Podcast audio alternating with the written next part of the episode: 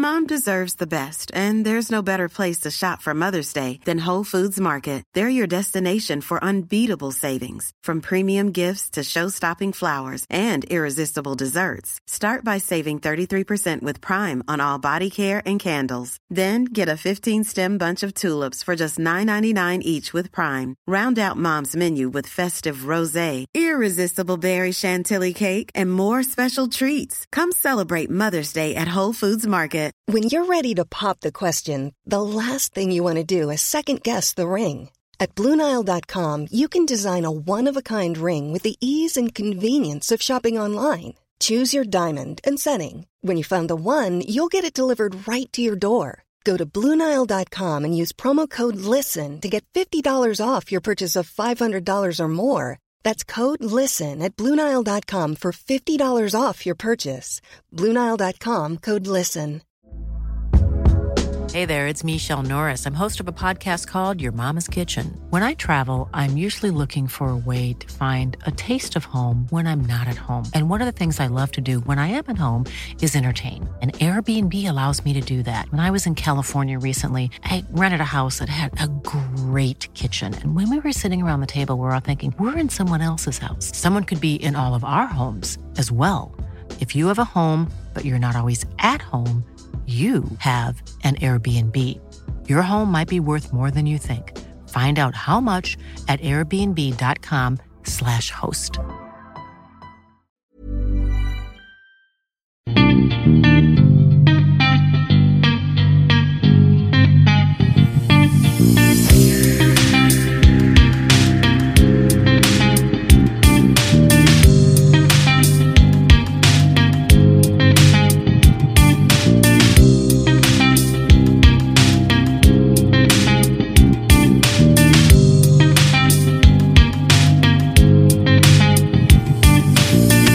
Välkomna ska ni vara till ett nytt avsnitt av Du SSL. Eh, det här är faktiskt en julspecial, eh, en halvtidssummering. Och i och med det så har vi bjudit in en gäst som inte är någon annan än Matilda Östlund Wisén, Sirius landslagsmålvakt. Det är eh, profilerat sällskap vi sitter med, eller hur Gustav? Ja, finare än så här är det svårt att få till. Så att, jättekul att du kan vara med Matilda. Välkommen till podden får vi säga. Ja, tack. Ho, ho, ho. Vilken julklapp ni fick. Ja, verkligen, verkligen. Men, eh, men hur är läget med dig då, eh, i stora drag? ja, ehm, just här i dagarna så kanske inte humöret är på topp sådär i och med att vi ligger i bottenträsket i Sirius och eh, riskerar ju nedflyttning såklart. Ehm, så det är ju något som upptar tankarna ganska mycket även på daglig, daglig basic och liksom i vardagen. Att man tänker mycket på det. Ehm, men jag tycker fortfarande att eh, status hos mig ändå är ganska bra. Alltså jag ser mig själv oavsett resultat som en vinnare och det är den mentaliteten man måste ha oavsett vad serien säger eller prestationsmässigt säger. Och det är det någonting som kommer göra att man höjs också. Att man hela tiden är mentalt stark. Så nej, men det, annars är det ganska bra faktiskt. Måste gratulera då till matchstraffet också. Det har inte vi fått chansen att göra.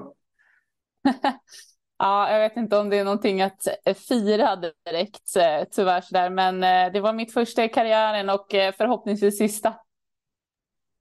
Som jag har förstått det så har du lite, verkar inte må jättebra över det som hände.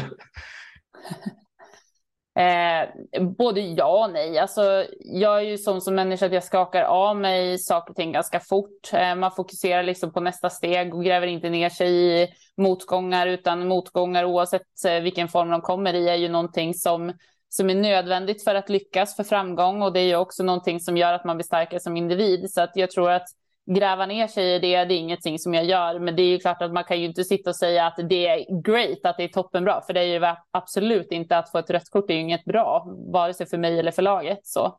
Och framförallt inte med de nya reglerna med, kring matchstraff heller. Liksom, så som jag har förstått det så blir man inte bara avstängd i den matchen det hände, utan även nästkommande match om jag har förstått de nya reglerna rätt. Då.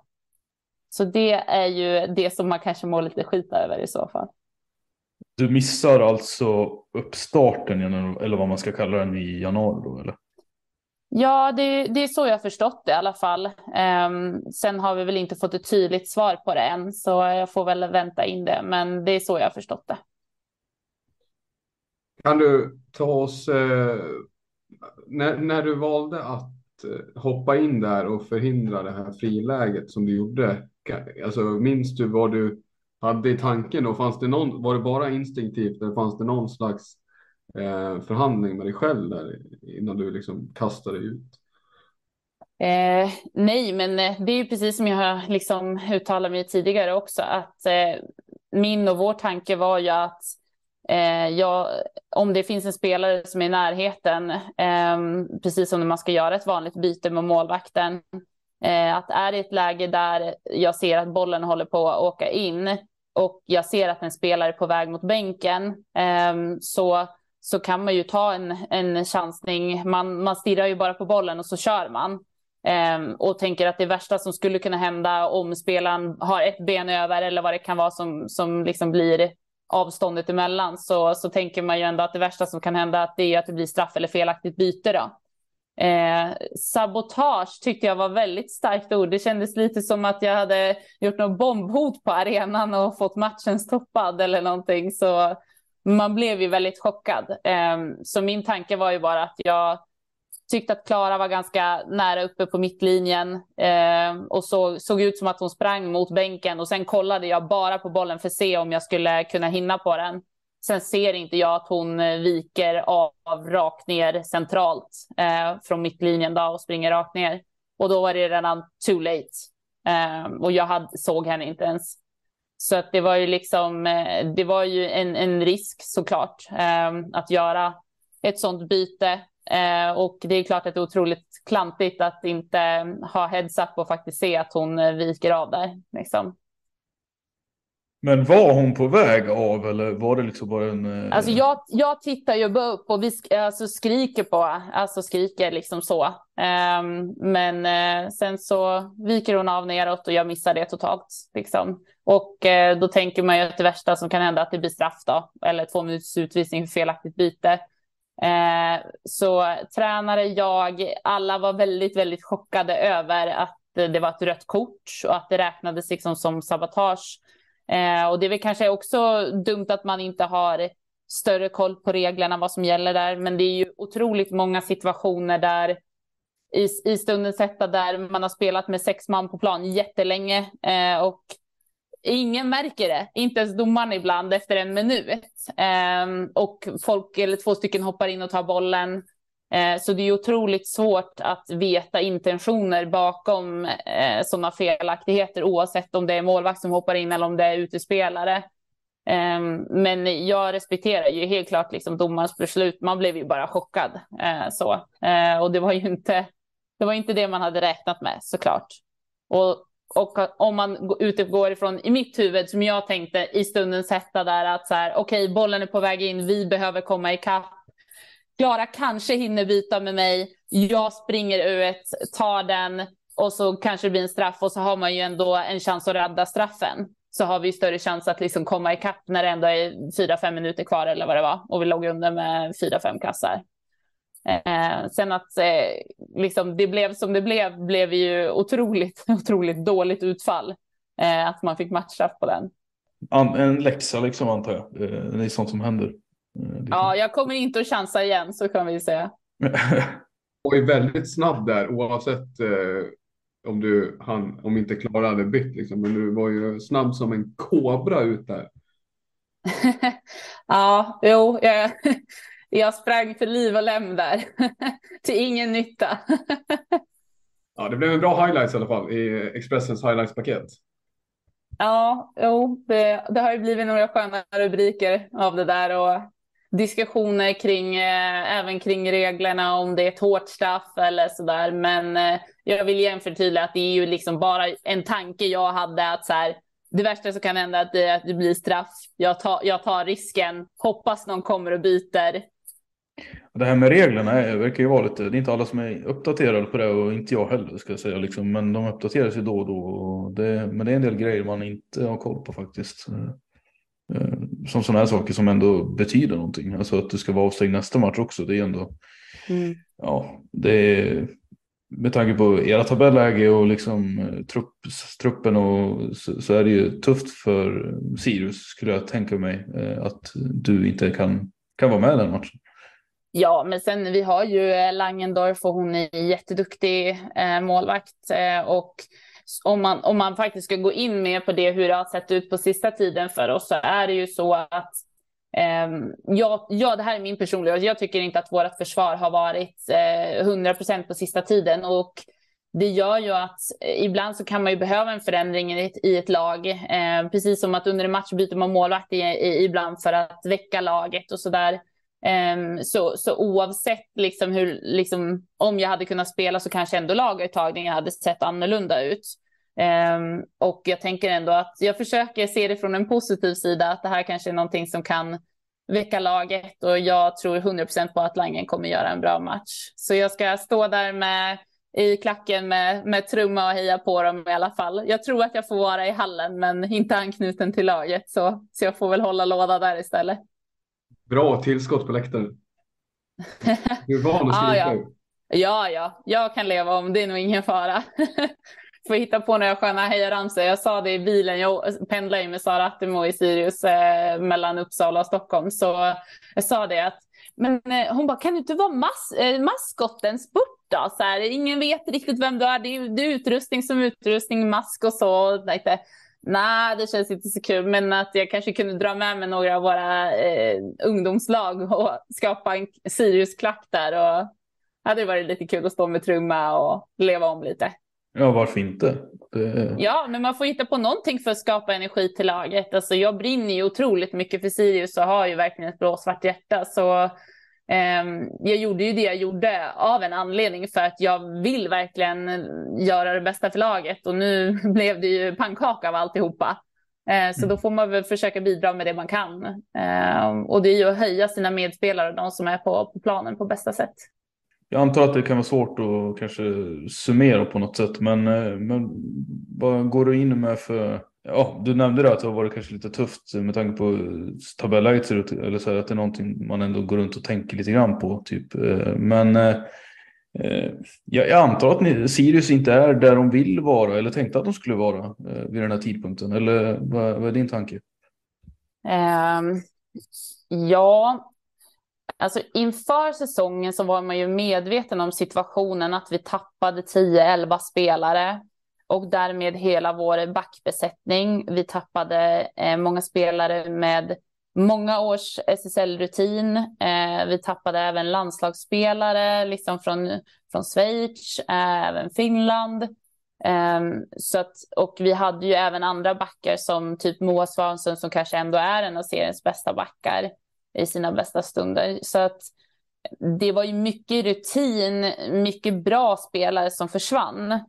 Eh, så redan inför säsongen så, så är det klart att man har liksom förberett sig på bästa sätt man kan göra mentalt och så vidare. Att så här, det kommer bli tufft för oss.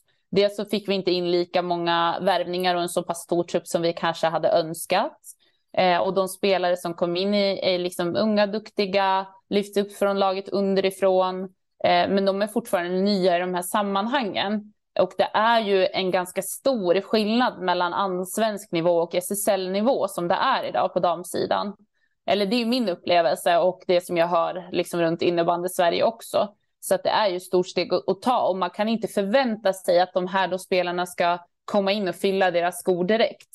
De måste få tid på sig att eh, liksom anpassa sig till tempot, till pressen, till hur det är att spela på elitnivå. Eh, samtidigt som jag då får en större uppgift att lära, alltså jag spelar ju mycket utifrån vad mina utespelare gör. Eh, jag kanske inte är den målvakt som har bäst reflexer i ligan eller så vidare, men jag skulle nog säga att jag är en av de som har bäst spelförståelse. Eh, och att jag kanske är en av de smartare målvakterna. Och det är det som jag vinner mycket på, att jag kan eliminera hot med hjälp av mitt försvar och sitta på rätt gubbe liksom eh, och se vem, vilka kan de passa. Så att, att lära upp ett helt nytt försvar där de ska lita på mig, där jag ska kunna lita på dem. Vad är ditt? Vad är mitt? Hur kan vi hjälpa varandra och skapa liksom en försvarsmur? Eh, det är ju ett arbete som tar många matcher och många veckor. Det är ju inte någonting man knäpper på fingrarna och så är det klart efter försäsongen. Eh, men med det sagt så tycker jag ändå att vi har ju kvalitet i laget för att ta ett, eh, liksom, stanna kvar i SSL. Eh, men det gäller ju att vi gör 60 bra minuter, inte 45 eller 50 eller liksom 20. Har ni, har ni gjort 60 bra minuter i år någon gång? Jag tycker att matchen mot Kalmarsund till exempel, där gör vi ju en fullgod insats från start till mål och då vinner vi ju ganska komfortabelt också. Eh, samma sak mot Lund gör vi också liksom bra kämparinsats hela vägen. Jag tycker också att vi visar mot Pixbo att vi liksom, där startar vi matchen otroligt bra. Och sen är det bara så att vi kämpar och, och parkerar bussen i sista perioden, egentligen från andra, och bara vi gör det här för varandra. Um, det var ganska coolt. Det var en slutspelkänsla uppe på läktaren på den matchen. Jag kommer ihåg att jag stod och skrek på att publiken bara kolla vad de käkar skott nu, heja på dem så de orkar nu och alla bara Woo! Bara körde klack och allting. Um, så det finns ju absolut guldkorn i den här säsongen, det gör det ju. Men sen har vi ju fallit på målsnöret många gånger med många uddamålsförluster eller där vi haft uddamål och tagit ut mig och släppt in i tom kasse. Ehm, så vi är ju med i otroligt många matcher. Jag tror att det var åtta, nio stycken nästan som är bara så här ett eller två mål. Ehm, men det syns ju inte i tabellen. Och där måste ju vi hitta ett verktyg. Hur vinner vi de här jämna matcherna? Hur, gör, hur skapar vi den här vinnarkulturen och den här tron på oss själva att vi kommer dra det längsta strået liksom? Så det är väl lite det som har saknats liksom. Faller det, faller ett större ansvar på er då antar jag, liksom, som har varit, ändå som har varit med ett tag, dig och eh, ja, men, eh, Klara, Maja och kanske Amanda också till viss del, då, eh, Amanda Ljunggren. Att kunna bygga den här kulturen då? Jo, men så är det ju. Det, det faller ju mycket ansvar på vi som är mer rutinerade. Och jag, jag skulle väl tror jag gjort min 200 SSL-match, eh, grundserie SSL-match här nu nästa match då, men jag får väl vänta lite längre på den. Så att det finns ju rutin och det är ju vi som ska kliva fram och eh, hjälpa de unga eller de mer oerfarna på det bästa sättet vi kan. Eh, det är ju våran uppgift, eh, men vi ska ju också samtidigt leverera och prestera våra 100 procent. Eh, så vi pratar ju nog mer om att så här, vi är ett lag, det är alla, det är de som sitter på bänken som ska bidra oavsett vad du har för roll i laget så är det liksom en enhet Sirius. Det är inte, det är inte Klara Molin, det är inte Amanda Ljunggren som ska göra målen. Det är inte jag som ska stå på huvudet som media har skrivit upp hela den här säsongen. Att så här, ja, för att Sirius ska klara sig kvar måste Östen Wisén stå på huvudet hela säsongen. Det handlar inte om det. Det är, det är en lagidrott. Och vi måste ju bygga liksom ett lag, ett Sirius ska dra åt samma håll. Vi måste visa att oavsett vad du har för roll i laget så är du viktig. Du är viktig för mig och du är viktig för hela den här gruppen. Um, och jag tycker att vi har väldigt god stämning i laget trots att det ser ut som det gör. Och vi jobbar mycket med att höja varandra och för att kunna få ut allas 100 procent. För får du ut allas 100 procent oavsett vad du har för roll, det är då vi kommer vinna. Eh, så jag tror absolut att vi har ett extra ansvar och så, men jag tror att just nu så pratar vi mer om att det ska vara liksom laget före jaget. Så. Det, det är jättebra saker du säger, alltså det är ju bara liksom att köpa in sig på det. Det är ju alltså hur vettigt som helst. Eh, med det sagt, när vi har den här situationen som vi har det, tabelläget som ni måste kämpa med. Hur upplever du att det arbetet fungerar? I, alltså hur mår laget, liksom, om man säger så, i dagsläget? Hos truppen, spelarna? Ja, men det är ju klart att direkt efter match blir ju alla besvikna. Um, och framförallt när man är så nära gång på gång. Det tär ju extra mycket på, på individer. Det gör det ju på vem som helst. Eh, men jag skulle absolut säga att det är ett lag som återhämtar sig väldigt fort. Redan till måndagen så är det liksom man är där, man stämplar in, man gör sitt jobb, man täcker skott, man tar de där avsluten, man kommer med ett leende på läpparna, man gör de förberedelser man kan, man äter bra, sover bra. Eh, man liksom för, försöker förbereda sig för nästa match så, så, snabbt som möjligt och liksom någonstans återhämta sig mentalt väldigt fort. Och det är det som är nyckeln. Att så här, som jag sa, alltså motgångar går alla igenom oavsett vad de är. Eh, och att för att lyckas så är det nödvändigt med motgångar. Och det är ju någonting som formar prestation och att man lyckas. Eh, och jag tror att kan man dra mycket lärdom av motgångar och använda sig av det i en positiv bemärkelse till nästa gång så är det ju nyckeln till framgång. Eh, så jag tror mer att så här, jag tycker ändå att gruppen mår relativt bra. Sen så är det ju klart att varje dag är inte topp, men så är det ju för vem som helst. Man har inte världens bästa dag på jobbet liksom och då tar man en kaffe och sen så går man och lägger sig igen och så är det en ny dag imorgon. Eh, och jag tror att det mindsetet har ändå många att så här, men vi ska kriga för det här och det är liksom vi ska kriga för att Sirius ska hålla sig kvar. Det finns ju liksom ingen som har gett upp. Det, alltså så här, det är klart man får hänga med huvudet tio minuter efter match, men sen är det bara upp, sträck på dig, liksom, och upp med pondusen igen. Eh, och det är det som skapar vinnarkultur också. Att man inte gräver ner sig i sina motgångar, i sina nederlag. Att man ser sig själv, oavsett prestation eller vart du ligger i serien, så är du en vinnare. Jag, jag ser det inte som att jag har förlorat, utan jag, jag är en vinnare och det, det, har ingenting med mina prestationer att göra, utan det är vad jag har i skallen, vad jag har i hjärtat, hur mycket jag vill och hur mycket tid jag lägger ner och hur mycket energi jag ger till det här. Kommer man, eh, upplever du att du liksom får gehör för det? För det känns som att du har funderat rätt mycket på de här sakerna och ägnat väl, alltså den här självreflektionen. Eh...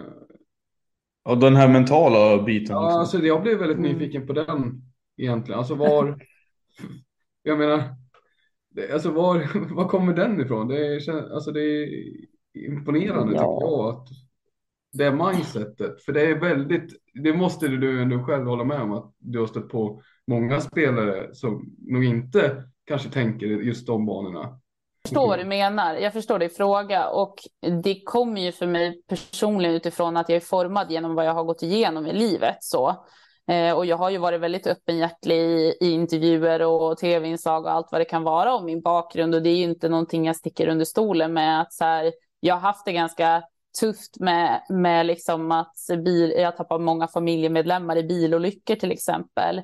Eh, och livet har vänt sig liksom på sin kant och där, redan där har du ju ett val. Ska jag bara lägga mig ner och ge upp eller liksom vad är grejen? Och, eh, och då var det så att min mamma, hon var en eh, otrolig liksom, eh, vad ska man säga, supporter för mig där hon i innebanden där hon var liksom lagledare, hon satt med i styrelser, alltså hon brann för innebandyn och för min innebandy där hon satt med på träningar, körde mig till nästa, eh, alltid var liksom närvarande. Och jag tror att det var liksom det som gjorde att jag fortsatte, trots mitt tunga var ju liksom att så här, jag bet ihop för så här, det gjorde min mamma när hon hade det tufft och jag tänkte någonstans att så här, Eh, ja, men jag ville ju bli bäst. Jag ville bli bäst i Sverige och jag ville nå landslaget. Det var henne, hennes och min dröm. Liksom. Det var det jag fortsatte. Liksom. Det var det som höll mig ovanför vattenytan och hade ett mål. Eh, och det spelade ingen roll hur många setbacks jag hade. Jag visste att en dag så, så kommer jag få chansen och då kommer jag ta den.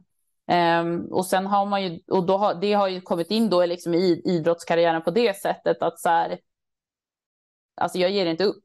Alltså, det är inte min, en del av min personlighet.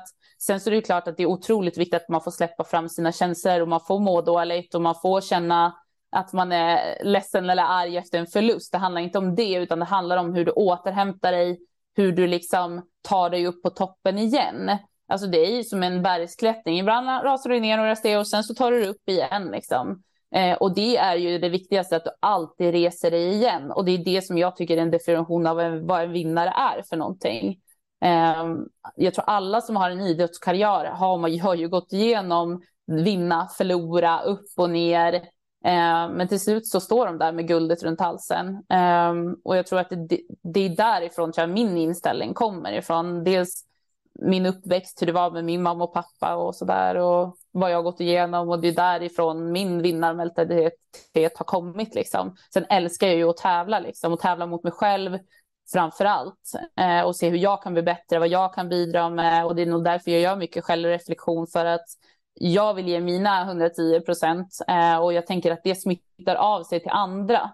Eh, det är ju bara att kolla på Klara Molin som är liksom en motor för Sirius. Alltså, när hon är inne på plan och ger sina hundra, då höjer sig ju alla andra omkring henne. Eh, och jag tror att kan man vara den eh, boosten i ett lag eller den förebilden för andra eller ute i innebandy Sverige så är det ju någonting som smittar av sig. Att bara vara den du är och ge ditt allt. Det är ju någonting som folk eh, uppskattar. Man behöver inte sticka ut och säga jag är bäst så, utan det handlar mer om att så här, jag kommer göra allting för att bli bäst. Och det är någonting som jantelagen i Sverige ändå uppskattar om man säger så. Eh, så det är väl lite därifrån jag tror att mina värderingar och prioriteringar kommer ifrån. Ja, det, det är fruktansvärt imponerande måste jag säga. Det är faktiskt eh, ja, otroligt inspirerande att höra faktiskt. Det låter som en elitidrottare som talar och en elitidrottare som är framgångsrik också eh, på något sätt. Vilket, ja, vilket du verkligen är om man ser till vad du åstadkommit. Mm. Ja, men det som jag brukar säga faktiskt att när karriären väl är över så är det inte prestationerna och medaljerna man kommer att komma ihåg mest, utan det är ju alla möten med alla fantastiska individer ute i innebandy Sverige, alla, alla liksom ungdomar som man har fått träffa och kunna inspirera till att känna kärlek för idrotten eller bara till livet igen och liksom man pratar om bänkningar och det är liksom ungdomar som mår dåligt eh, på grund av bänkningar. Det är distriktslag, det är liksom titta på mig, jag var inte med i U19, liksom. jag tog mig ändå liksom fick vara med om ett VM-guld. Så alla har ju sin egen resa och väg att vandra. Och någonstans så gäller det liksom att de människorna som man kan inspirera under tiden, om det är lagkamrater eller om det är ungdomar eller vad det kan vara, Eh, så är det otroligt eh, mycket värt för mig. Och det är det jag brinner för och det är därför jag fortfarande spelar innebandy fast jag är snart 30. Liksom. Ehm, det är där jag känner liksom min glädje. Sen så är det såklart kul att vinna och få, få vara med om de här stora grejerna och vara en del på den resan. Men jag tror att när man sen tittar tillbaka på det så är det ju de framgångarna eh, som, som är allt runt omkring som jag tror att man kommer uppskatta mest än den guldmedaljen som äh, glittrar här i mitt fönster faktiskt. Ja, för du har ju en sån, det måste man ju ändå komma ihåg. Ja, och den är det första jag ser på morgonen och det sista jag ser på kvällen. Eh, så den motiverar lite extra mycket faktiskt. Har du, är det en medveten placering? Ja, ja, absolut. Jag har hängt upp eh, guldmedaljen med, eh, ja, jag har ju egentligen ingen matchtröja liksom i, i, i, landslaget när jag fick vara med, så jag köpte faktiskt en egen med mitt namn och eh, Sverigeloggan och allt det där. Seriöst? Ja, ja. ja. Jag köpte faktiskt en egen sån, eh, egentligen till min pappa då, eh, för att han skulle få eh, ha på sig den när han satt hemma och kollade på VM.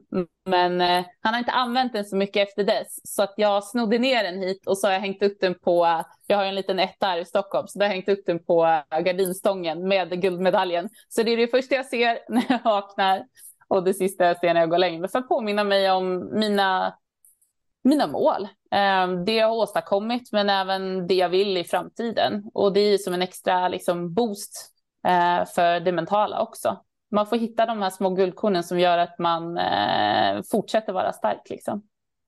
Och nu när vi, vad tänkte du säga Gustav? Nej, jag har inga. Eh, ja, det är fantastiskt bara. Det händer mm. med det. Jag tänkte fråga, jag tänkte fråga vad, dina, vad är dina mål uttalade och inte uttalade eh, vid, vid den här åldern och liksom i, i det här stadiet av karriären så att säga. Eh, vad tänker ja. du liksom på? Vad tänker eh, du? Ja, men just nu är det ju mest fokus på laget, på Sirius och eh, göra mitt allt och bidra med det jag kan för att vi ska hålla oss kvar. Eh, det är väl det största målet den här säsongen. Eh, titta med mer långsiktigt än så, så är det väl liksom, eh, det vore ju otroligt underbart att få vara med om ett VM i svenska landslaget igen.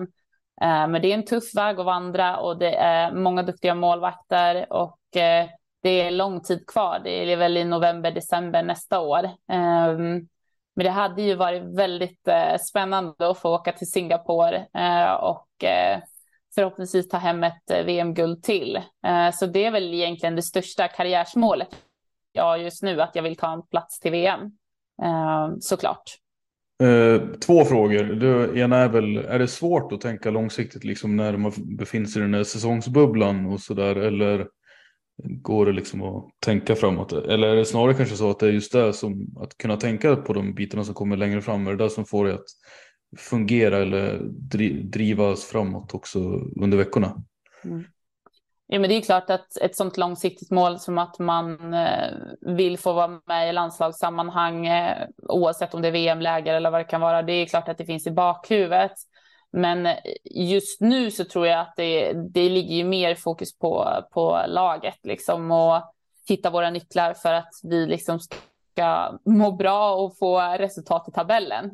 Um, så både ja och nej på, på den frågan tror jag. Det, det, är absolut någonting som gör att man kanske inte gräver ner sig allt för mycket efter en match eller efter en vecka eller om man inte kanske gjort en perfekt insats. Då får man tänka tillbaka.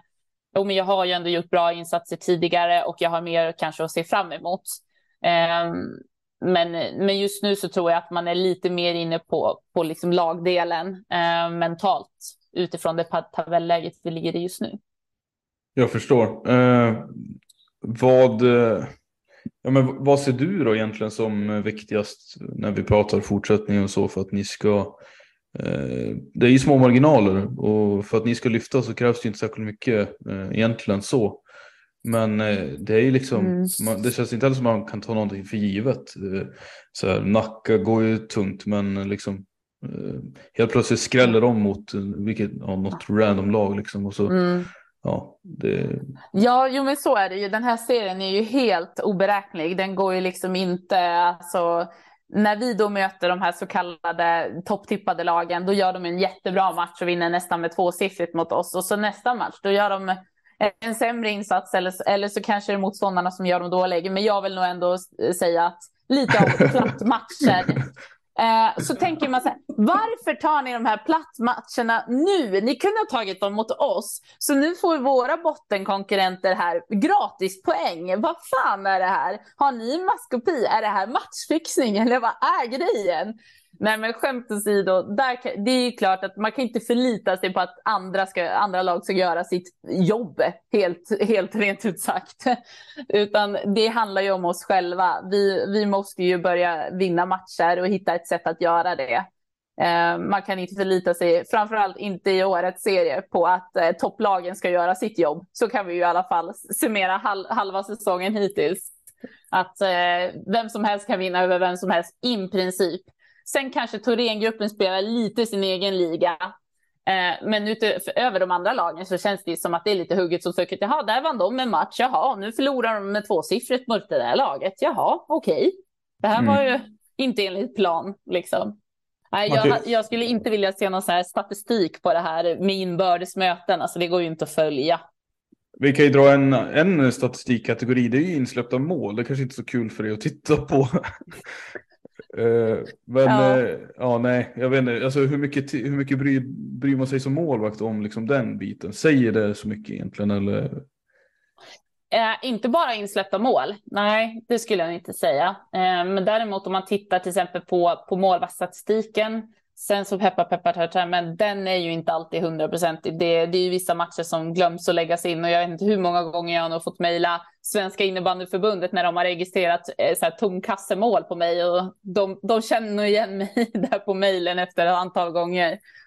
Uh, för jag vill ju ändå stå, slå ett slag där. För att, tänk dig om Vera Kauppi här nu skulle bara, vi tar bort 20 poäng från henne det hade ju blivit ramaskri. Bara, Oj, nu ligger hon tia i, i, i, poängligan här för att någon har glömt att registrera 20 poäng. Mm. Och det som, det som är grejen är att så här, nej, du kan inte säga så mycket utifrån målstatistik och du kan vinkla den hur du vill. Men när, eftersom media använder sig av den och, och liksom det pratas om den, den presenteras i sändningar på Expressen, då tycker jag ändå att så här, då ska den ungefär likställas så korrekt som möjligt med en poängliga någonstans. Om vi nu ändå ska använda oss av den, då måste den ändå vara så korrekt som möjligt som vi kan göra. Så jag tittar nog mer på målvaktsstatistiken där och den säger ju i alla fall att nu har jag spelat alla utom en match. Men jag är ju absolut en målvakt som har fått överlägset flest skott på mig. Eh, och då, då kan jag ju bara jämföra ungefär mot de som har stått lika många matcher. Och då är väl kanske, det är väl, eh, jag tror Johanna Birgersson i Lund har stått en match mer än mig Eh, och hon har fortfarande färre skott på sig. Så jag har ju ändå legat kring kanske topp tre i serien ganska länge, förutom nu efter senaste matchen gled jag ner lite. Och sen får man ju ta bort kanske de som har bara spelat någon enstaka match då. Så det tittar jag på mer än just insläppta mål faktiskt. Alltså det är helt otroligt ja, när vi pratar om att det här är en, kanske världens bästa innebandyliga och statistiken som förs är liksom hipp som happ. Jag, jag förstår inte hur, hur vi sitter här idag och pratar om det. Eh, att, det. att det kan vara på det sättet. Ja, men sen får man också tänka att det är ju våra arrangörsstjärnor där ute sitter ju liksom och försöker göra sitt bästa. Eh, men däremot så, nu vet jag ju att det finns lite lathundar och sådär från Svenska innebandyförbundet. Men jag tror att det skulle behöva ett lite krafttag igen kring hur man ska räkna, hur man ska registrera det. Bara en sån sak att när du registrerar skotten så vet ingen, är det räddningar plus mål eller är det bara räddningar? Och sen när du går in och registrerar nästa steg, då kanske du måste lägga på de insläppta målen för att det ska bli korrekt statistik eller är målen inte med. Eh, så det där är ju, jag förstår ju att det är svårt och, och, man missar, jag har full förståelse att man missar om det är räddning eller utanför eller vad det kan vara under match. Men att vi åtminstone får in en skottstatistik eh, på varje match och att det registreras på rätt målvakt eller att man missar målvaktsbyten. De kraven tycker jag ändå att vi, vi skulle kunna ha. Ja men verkligen, absolut. Alltså, definitivt. Jag... Får jag komma in här? För jag har alltid, jag måste känna att jag, den här just statistiken, du, du pratar jättebra om, säger jättebra saker som jag inte riktigt, alltså, och det tror jag många andra undrar också liksom. För den, den är ju liksom, hej kom och hjälp mig, kan man ju få intrycket av utifrån när man tittar på den. Eh, men ja. du som är målvakt, du som spelar i serien, alltså vad är det de går på egentligen? Alltså, det går ju inte. Jag tänker, om man tittar nu, du ligger ju helt rätt i de siffrorna du säger. Eh, tillsammans med Johanna Birgersson är du en av de som har fått flest skott mot dig. Eh, mm. Du ligger nia dock i den här, deras mm. lista för att du Precis. till exempel Ellen Westberg Endre framför dig. Du har Maja mm. Lind, Varberg, Stina Kalle mm Thorengruppen. Det här är väl målvakter, rätta mig om jag har fel, men de, de, de, är ju registrerade på de matcher de är med i laguppställning såklart. Men det innebär mm. att de spelar de här matcherna. Alltså Nej, varför är precis. de målvakterna med i den? Alltså de har ju inte spelat 14 matcher. Nej, alltså, men så, så, så är det ju. Att alltså, varje gång du är registrerad på en match så då, kommer ju, då står det ju som att du har spelat tio matcher om du har varit med på tio stycken. Men det betyder ju inte att du kanske har stått någon av dem eller du kanske har stått en. Så man vet ju att när typ innebandymagasinet eller vem du kan ha från media som ibland brukar summera ungefär så brukar man ju ofta räkna bort då kanske de som har stått tre matcher eller något sånt där för att det, handlar Eh, en målvaktsprocent är ju någonting, eh, eh, det det kan säga är ju någonting, någon form av jämnhet över en hel säsong. Så att det är därför det kanske inte går att avgöra liksom och läsa in något i någon statistik när man har stått någon enstaka match. Sen är det såklart jättekul och jättebra när någon har gjort bra ifrån sig. Men det är ju liksom, man kan använda den målvaktsstatistiken för att se lite för sig själv. Okej, okay, hur jämn var jag den här säsongen? Och sen får man ju också, jag brukar kanske räkna lite mer per match här okej, hur många extra bollar tog jag idag? Hur många omöjliga lägen eller svåra lägen tog jag idag? Hur många bollar tog jag som jag skulle göra utifrån min nivå? Då jämför jag inte med någon annan målvakt i serien eller så, utan de här bollarna ställer jag kravet på mig själv att jag ska rädda. Hur många av dem räddade jag? Hur många skitmål släppte jag? Gjorde jag någon tabbe? Eh, så sån statistik för sig själv är ju ganska mycket mer värd. Sen brukar man också kunna göra en kategori där så här, hur många bollar plockade jag utanför kassen? Hur aktiv var jag i det spelet? Ägde jag mitt målområde? Så att just att bara kolla kanske på en procent är väl kanske inte jättegivande om man bara använder sig efter någon match. Men man kan absolut över en hel säsong se någon form av jämnhet på sig själv och hur man har presterat. Sen kan man ju också kolla då att de matcher vi har vunnit i Sirius, vad har jag haft för procent då? Ungefär vad, vad behöver jag ligga någonstans för att hjälpa mitt lag att vinna matchen? Um, det där är ju väldigt olika. Sen så som du sa, alltså, det finns ju målvakter där som kanske inte då har stått supermånga matcher, men de är ju såklart medräknade med ändå. Um, sen får man ju avgöra själv om man vill jämföra sig eller inte. Liksom. Det är upp till en själv. Gustav, jag tänker om vi ska, ska vi röra oss mot eh, liksom, eh, det här eh, halvtidssummeringen eller vad känner du? Ja, det kan vi göra. Jag hade problem med knappen här, men jag skulle bara ställa en kontrollfråga då. För det är en målvakt här som vi har nämnt redan, som jag bara skulle vilja få bekräftat från dig då, Matilda, i det fallet. Som jag har haft väldigt dålig koll på innan, eh, innan hon kom upp i SSL. Eh, och det är ju Johanna Birgers. Mm. hon gör det bra helt enkelt. Det, det, det, det, får man, eller vad ska man säga? Alltså hon, hon är riktigt, eh, hon är där uppe liksom. Är, är hon en riktigt mm. bra målvakt eller är det, är det liksom? Vad ser du som är målvakt och har helt andra ögon liksom än vad vi gör? Eh, jag skulle säga så här, jag tycker att det är en stabil målvakt. Ehm, om man tittar på liksom eh, hur många skott ungefär hon får på sig på match så är det ju oftast typ max kring 20. Eh, och jag tycker att hon gör det bra. Absolut, hon är en duktig målvakt. Ehm, däremot ska man också säga det, det som är ganska positivt är ju att stå just nu i Lund, för att de spelar ju ett man-man försvar. Eh, och som målvakt, när du får sitta på flera hot samtidigt, det är då du ställs verkligen på prov och, tyck, och det blir extra svårt. Om du då tänker att du har ett försvar framför dig där du får någonstans ändå räkna med att varje gubbe har sin gubbe och följer den ganska bra, vilket Lund har ju lyckats med sin spelidé, det märker man ju. Eh, där de följer ganska bra. Då är det ju så att den som har bollen kan du ju sitta och foka ganska mycket på, fokusera på den. Och när den då väl kommer förbi sin gubbe eh, i försvaret så kanske den inte har supermycket yta att utmana på eller göra saker eftersom de ligger som en igel på en, som ryggsäckar eller någonting som jag vet att vissa uttalar. eh, så dels så kanske det inte kommer allt för många sidledspassar heller och du kan få fokusera ganska mycket på eh, hotet eller H, H, H1 som jag brukar säga. Liksom. Um, vilket gör ju att eh, sorteringen i ditt huvud och spelförstå, alltså det, det, blir lite lättare. Nu menar jag inte att säga att hon har det lätt, absolut inte. Men om du bara tänker själva deras spelidé och om de gör den så bra som nu ändå många lag har problem med. Och det är ju ofta därför det blir få mål i deras matcher. Um, för att lag hittar inte så mycket avslut på dem uh, och uh, de lyckas ju med sin spelidé och då så håller de ju sin markering väldigt bra. Och då blir det inte så många sidledspass och du kan sitta ganska tryggt och stabilt på, på spelaren. Problemet blir ju då när ingen håller någon, då blir det kanske mål. Um, men jag tycker ändå att Lund har gjort sin gameplan otroligt bra i år. Så jag skulle säga att hon är, hon är stabil SSL-målvakt. Uh, ehm, det kan man inte sticka under stolen med. Det tycker jag att siffrorna visar också. Sen är det ju klart att man kan titta på highlights ibland, precis som jag själv tittar på mina bara, oj den där skulle jag haft. Och det är ju samma sak med henne, men så är det ju med alla i serien. Alltså det finns ju, alla målvakter släpper ju någon som man där, den där skulle jag vilja ha tagit tillbaka till exempel. Um, men jag tycker hon har gjort en bra säsong, absolut. Hon kanske hade blivit mer testad då i ett lag som eh... Nu namedroppar jag ett tidigare lag till dig, men eh, Täby kanske som har lite mer öppet försvar, om man ska säga. Det kanske skapas lite mer chanser. Eh, ja, både ja och nej. Eh, för att det Täby gör är ju, alltså det är om du bara tittar på typ Thorengruppen också, det de släpper till är ju kanske frilägen, ehm, eh, eller liksom mer sådana lägen och då får du också fortfarande sitta ganska tryggt på en.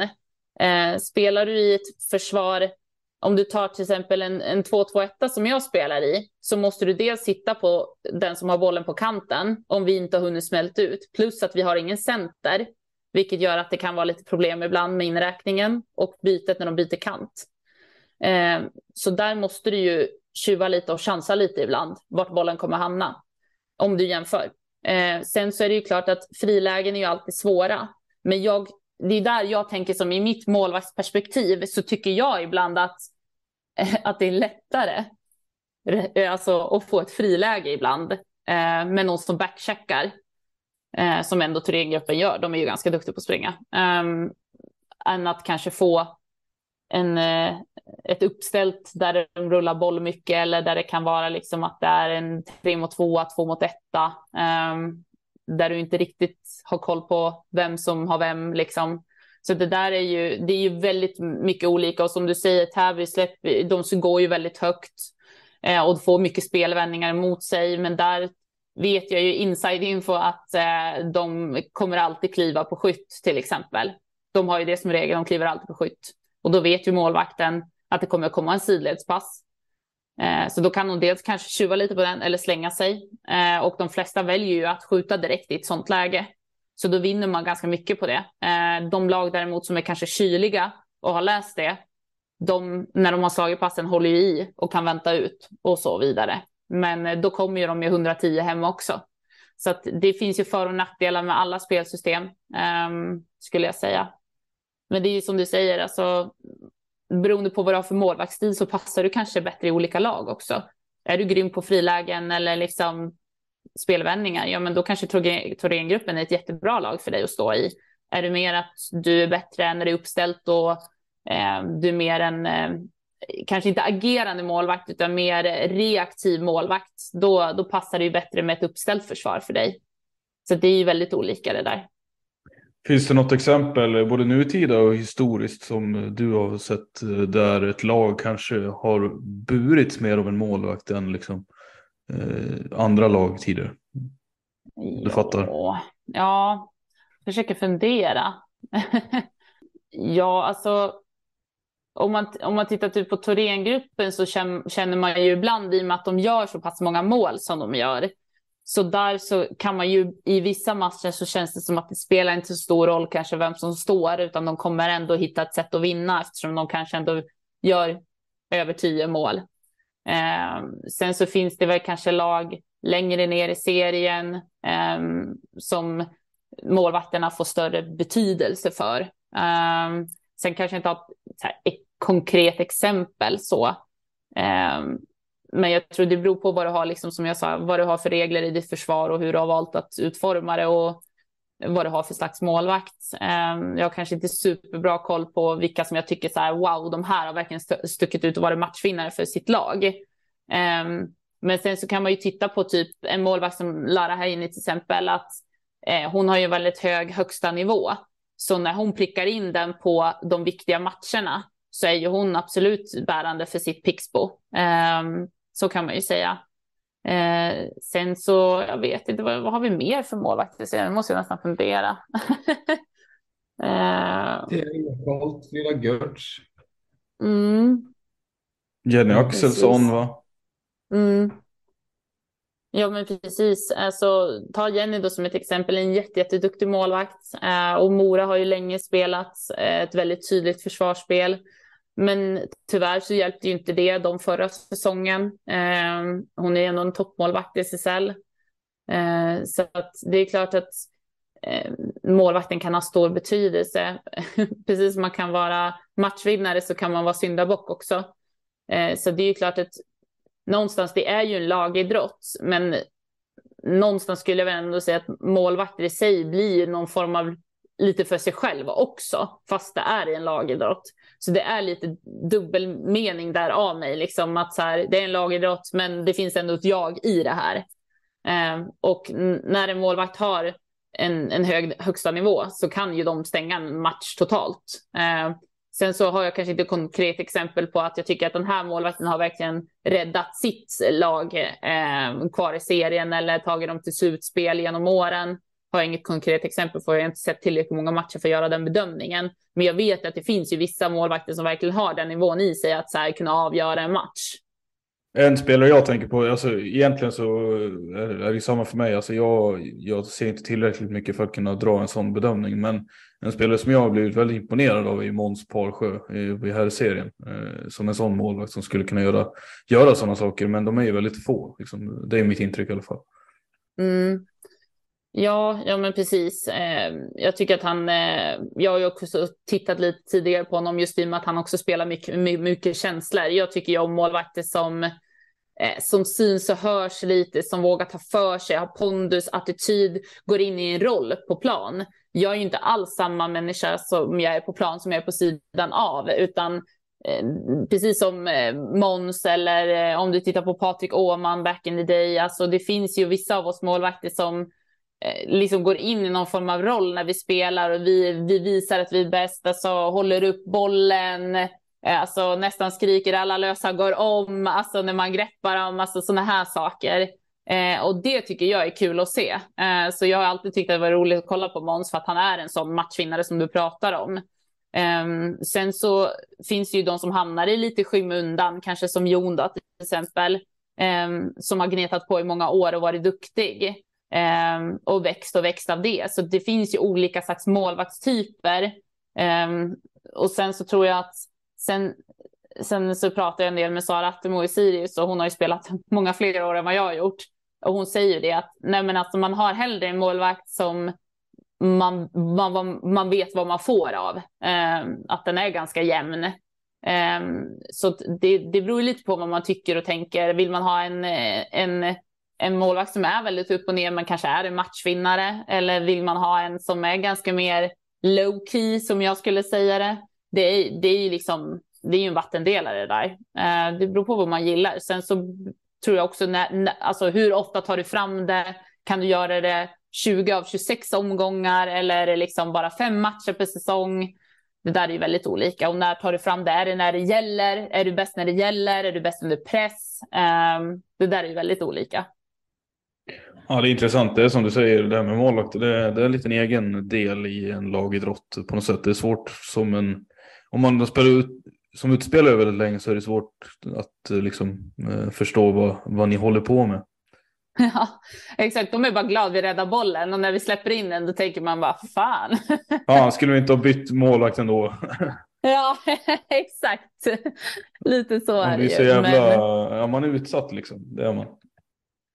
Jo, men jag tror att man, man hamnar ju lite på sin kant, alltså även om man är social och man umgås med laget, man hamnar ju lite på sin kant för det händer ju mycket socialt liksom på bänken. Det är mycket gameplans, det är mycket taktik där medan man själv står där ensam bak i målet och hittar på sånger och allt vad man gör, kör lite dansmoves ibland liksom för att hålla sig vaken. Um, så det är klart att man är ju ganska, ganska ensam där och uh, många utespelare kanske inte ser spelet på samma sätt som man gör där bakifrån heller och, och ser våra svårigheter eller kan se våra styrkor. De är ju bara nöjda och glada när man räddar bollen. Sen skiter de i hur lite grann. Så är det ju. Så är det. Eller hur Samuel, så är det. Du skiter ju i vad dina målvakter gör. Absolut. Ja. Jag ska inte säga mer om det tror jag. Eh, jag vill inte hänga ut någon. Nej, men de är jätteduktiga dina målvakter också, eller hur? Ja, det tycker jag. Det är inte deras fel att vi ligger, att vi ligger där vi ligger i tabellen. Ja. Men, eh, men, eh, vågar inte säga något annat nu. Dels har du någon som kommer försvara dem. ja, men så är det ju. Så är det ju. Sen kanske någon håller med mig, men det är ingen som kommer säga. Nej. men ja, jag tänkte på det här, eh, ja men just eh, andra målvakten eller ens eh, målvaktskollegor, är inte de ganska viktiga i så fall? Med tanke på det du precis sa, eller hur, hur fungerar det? Ja, eh, man har ju stött på olika slags kollegor genom åren om man säger så. Eh, och min inställning är ju alltid att jag vill ju att vi ska jobba som en enhet, att vi ska bli så bra som bara vi kan. Och när jag klev in i Sirius så, så sa jag direkt till Langen att men mitt mål är att du ska bli så bra att du konkurrerar ut mig. Eh, och eh, de träningar du tycker att så här, fan jag vann över dig idag, säg det till mig. Alltså för det är någonting som bara kommer trigga mig att bli bättre. Och att man vågar ta den platsen, att man har den jargongen ibland. Sen så kanske det inte funkar för alla, absolut inte. Och man mår ju bra av olika slags miljöer. Vissa vill ha konkurrens, vissa vill inte ha det. De vill ha en tydlig etta, tvåa. Det där är ju väldigt olika hur man, hur man mår i det. Men jag tycker ändå att så här, det är ju fortfarande ett lag. Det är inte, det är inte, det är inte bara jag som spelar. Och eh, som jag sa tidigare, att så här, eh, ja, men det handlar om att jag vill att hon ska bli så bra hon bara kan. Eh, för att det kommer ju också betyda att jag kommer att höja mig. Eh, så att jag mår ju ändå bra, dels av en, såklart en trygghet från tränare och framförallt att laget tror på mig.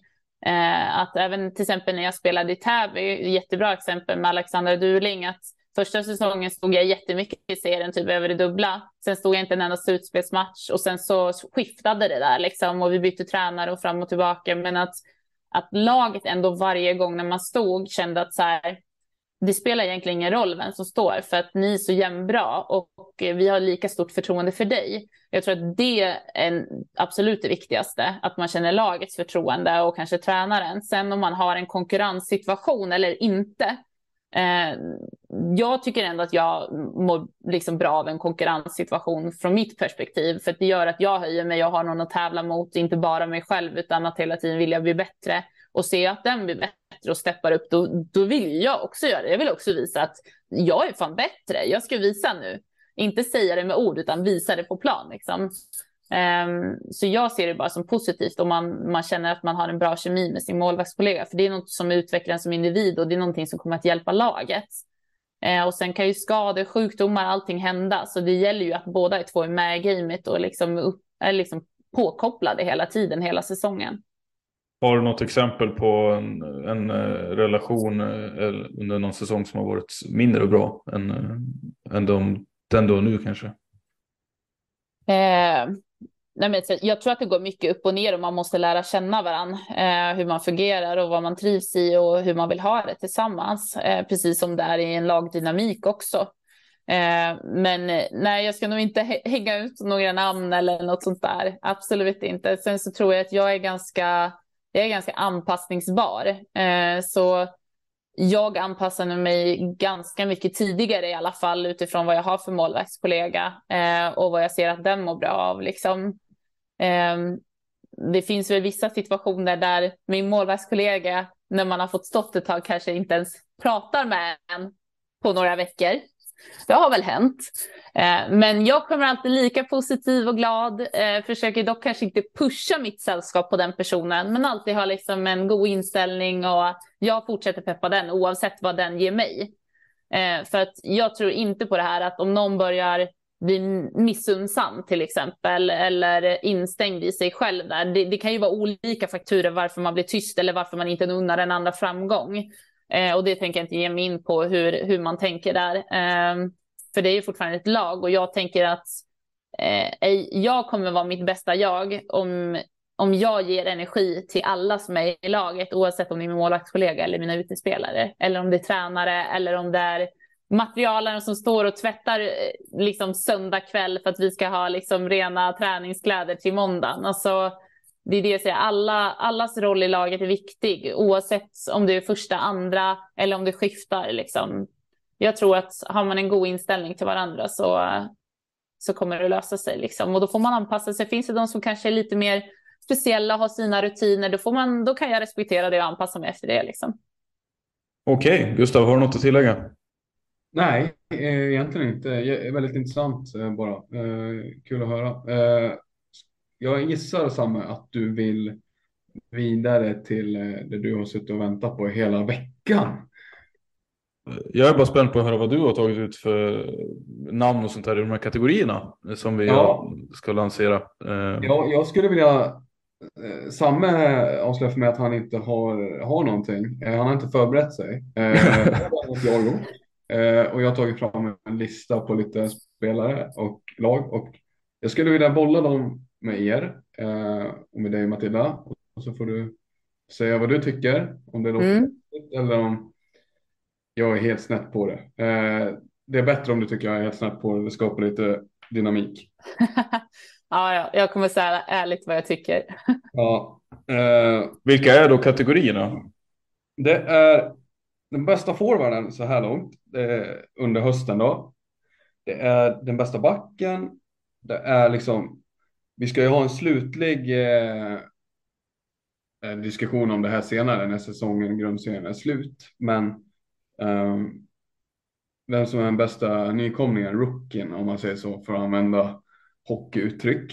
Eh, ja, du får definiera. Du kommer få definiera vad som, alltså när man är en rookie och inte. Ja, man ska ju, ja, jag, kan nämna det eh, senare, men det är också eh, den överraskningen. En överraskning, det kan vara ett lag som har presterat oväntat bra. Eh, det kan vara en spelare som har presterat oväntat bra. Eh, mm. Sen har vi också besvikelse och det kan väl vara samma där. En spelare som man kanske ja, inte tycker har gjort det den borde ha gjort eller ett lag som inte har levererat så som det borde. Och eh, det finns väl lite, man ska ju ha gjort ett visst antal matcher det här är inte grundlagar direkt, men eh, man ska väl ha gjort en sista där tio matcher ungefär under hösten här för att få vara kvalificerad och som rookie så är det väl eh, SSL, de gamla, jag vet inte om de gäller fortfarande, men för att räknas för att bli ens för mig en diskussion om årets rookie som vilka är det som har den? Hjälp mig, vilka delar ut det priset? Magget. Ja, det är väl Magget med. Spelarföreningen eller? SSL-föreningen, va? Är det inte det? Jag tror det. Just och så tror jag att lite tränare och sånt där brukar få tycka till på de här olika kategorierna. Just det. Eh, årets rookie, alltså det är väl, man kan ha gjort vad kan det, en handfull matcher tror jag man kan komma undan med eh, föregående säsong. Eh, jag tror Omar var med i, Omar Aldib, när han var med i något slutspel med Falun. Jag vet inte om han om det räknades för han sen. Eh, lite osäker, men eh, man, det är så det är i alla fall. Eh, du kan ha gjort någon enstaka match, men eh, har, har, du inte gjort mer så så är du kvalificerad för att vara med i de här diskussionerna. Eh, och då vet inte jag hur ni, om jag bara ska slänga upp det här och sen får ni liksom skjuta ner det eller liksom hylla. Ja, men kör kategori för kategori då.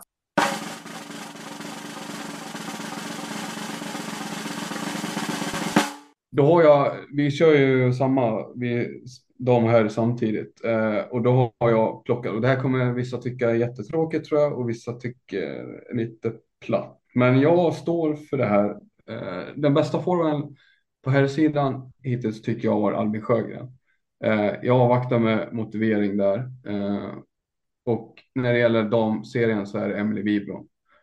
Och då kan man ju lätt se att det här är två spelare som leder poängligan. Eh, två landslagsstjärnor som eh, blir äldre förvisso, men som verkar vara i någon slags början av en peak bara. Och det finns ju en spelare här som jag har hyllat jättemycket tidigare som jag är lite svag för.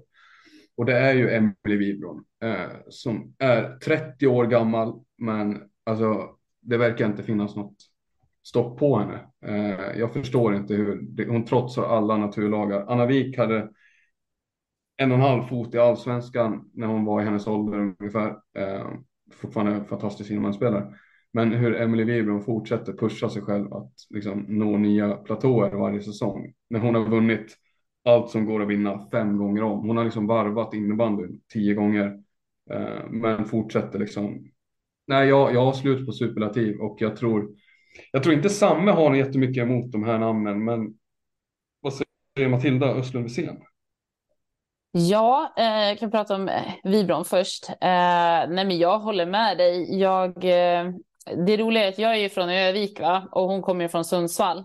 Så, och eh, hon är född 92 då, och jag är 93. Så att eh, vi träffade ju på varandra redan i distriktslaget. Eh, och hon var ju redan då otroligt bra. Eh, det fanns ju liksom ingen i, i hennes klass. Så att det sjuka med hennes karriär är ju att hon har varit bra så himla, himla länge. Det är liksom inte som jag sa om mig själv att så här, ja, jag debuterade när jag var 27, 28 i landslaget, liksom, utan hon har ju varit the top of the game så, så länge. Och eh, att behålla den motivationen som du säger tycker jag, alltså bara det är ju otroligt stort. Eh, och sen få se henne triumfa sig själv gång på gång. Alltså som du säger, det finns inget stopp. Det finns liksom inget slut. Eh, och jag ser ju henne som en stor profil inom innebandyn. Att eh, hon står ju för någonting eh, ganska stort där, att hon fortsätter spela innebandy trots att hon eh, har barn och eh, alltså just på tjejsidan eller damsidan så så brukar ju många sluta på grund av det. Så att, eh, framförallt tycker jag att det är otroligt stort att hon fortsätter och eh, att hon är den karaktär hon är och fortfarande spelar i landslaget. Och, eh, ja, och det går ju inget, alltså, det går inte att säga någonting om hennes säsong hittills. Den är ju fantastisk. Samme? Ja, jag kan ju bara instämma. Eh, jag har lättare att instämma med Vibron tror jag än Sjögren, men eh, jag kommer väl till det kanske. Eh, alltså, ja, det är en sak som inte lyfts fram lika mycket som, alltså, jag, som jag tycker man borde ändå förtydliga. Hon har ju också bytt position och hon har ju varit fenomenalt bra både som back och forward, vilket är jävligt, eh, ja, det är inte många som löser det att vara lika bra som hon har varit på dem. Alltså hon har ju varit typ världens bästa back och hon är ju typ världens bästa forward nu också. Eh, och det är, ja, det är imponerande såklart. Eh, sen kan man väl, sen kan väl jag ska man vara lite negativ här så är det väl kanske att hon spelar i Thorengruppen och har gjort det typ hela sitt liv i, i, alltså i seriens bästa lag. Liksom. Och eh, det hade ju varit spännande att se hur hon hade presterat i ett annat lag kanske, men det är ju, kommer ju säkert aldrig att hända.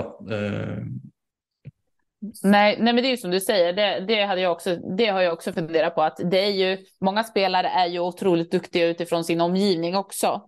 Eh, sen så tvivlar jag nog inte på att hon skulle kunna göra ganska mycket på egen hand, men hon har ju haft en väldigt trevlig omgivning i, i många år.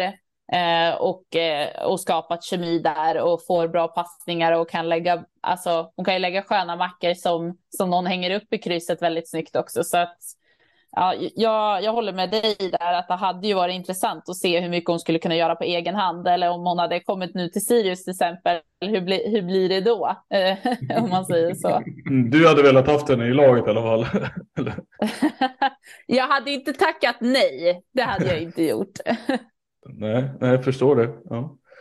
Uh... Uh, ska vi Ja, men, eh, jag tycker eh, det går inte att säga mer än eh, ni har gett jättefina omdömen om henne. Eh, och vi kan inte lägga en halvtimme på varje spelare även om man skulle vilja det. Men då får vi, då får vi sjuka oss till jobbet imorgon eller vad vi nu har för oss. Men eh, Albin Sjögren då. Eh, han är inte, de är nästan, det är också en spelare som är i närheten av dig åldersmässigt Matilda. Men är också en extremt rutinerad spelare måste man ju säga. Precis som Emily Wibron mm. har han spelat SSL väldigt länge nu. Och det är lätt att glömma bort ibland, men han måste ju vara en av de äldre i det här storrättarlaget nu. Med tanke på hur de håller på att generationsväxla liksom. Eh, och han pushar sig själv och liksom, ja, jag tycker det är mer att han pallar liksom. Han har också vunnit så mycket. Ja, nej, jag håller väl med om att, eh, att han är ju ett namn i innebandyn och som du säger varit med länge och eh, alltså jag har inte sett allt för många eh, kanske storvetarmatcher så det kanske kan sägas som bojkottar ju kanske lite eh, storveta när man spelar i Sirius. Jag kanske kan skylla på det. Eh, nej, men eh, skämt åsido, han är, han är ju en duktig spelare och eh, jag brukar ju kolla lite VM-matcher och sådär. Och han, eh, ja, det är ju som du säger, det är ju imponerande om man leder liksom poängligan och um, har varit bra i så många år. Så att nej, jag har inte heller någon sån där solklart kandidat som jag skulle vilja shut you down with, utan jag tycker väl att det är ganska reasonable. Då kommer jag in här också igen då, med lite grann så här, sätter ner brom, bromsen på det. Men eh, alltså. Gör det Snälla. Men jag, jag har jättestor respekt för Albin Sjögren liksom och sådär. Men eh, ja, alltså att utse honom då, är det inte lite grann i brist på andra alternativ då? Eller vad ska man säga? Kan, finns det verkligen ingen, ingen man slänger fram istället då? Typ. Nej, men, eh, det finns det är klart, det finns jättebra forwards, eh, både dam och herrsidan som man skulle kunna slänga fram. Eh, men jag tycker det går att vända på det och se att trots det här som vi har pratat om just med båda de här forwardsen egentligen, båda de här spelarna. Eh, de, de börjar, Vibron har redan passerat 30, Albin närmar sig, eh, varit med väldigt länge. Liksom. Alltså man fortsätter pusha sig själv trots att det kommer upp nya eh, yngre spelare som trycker på underifrån och liksom vill in i landslaget och liksom glänta på dörren där.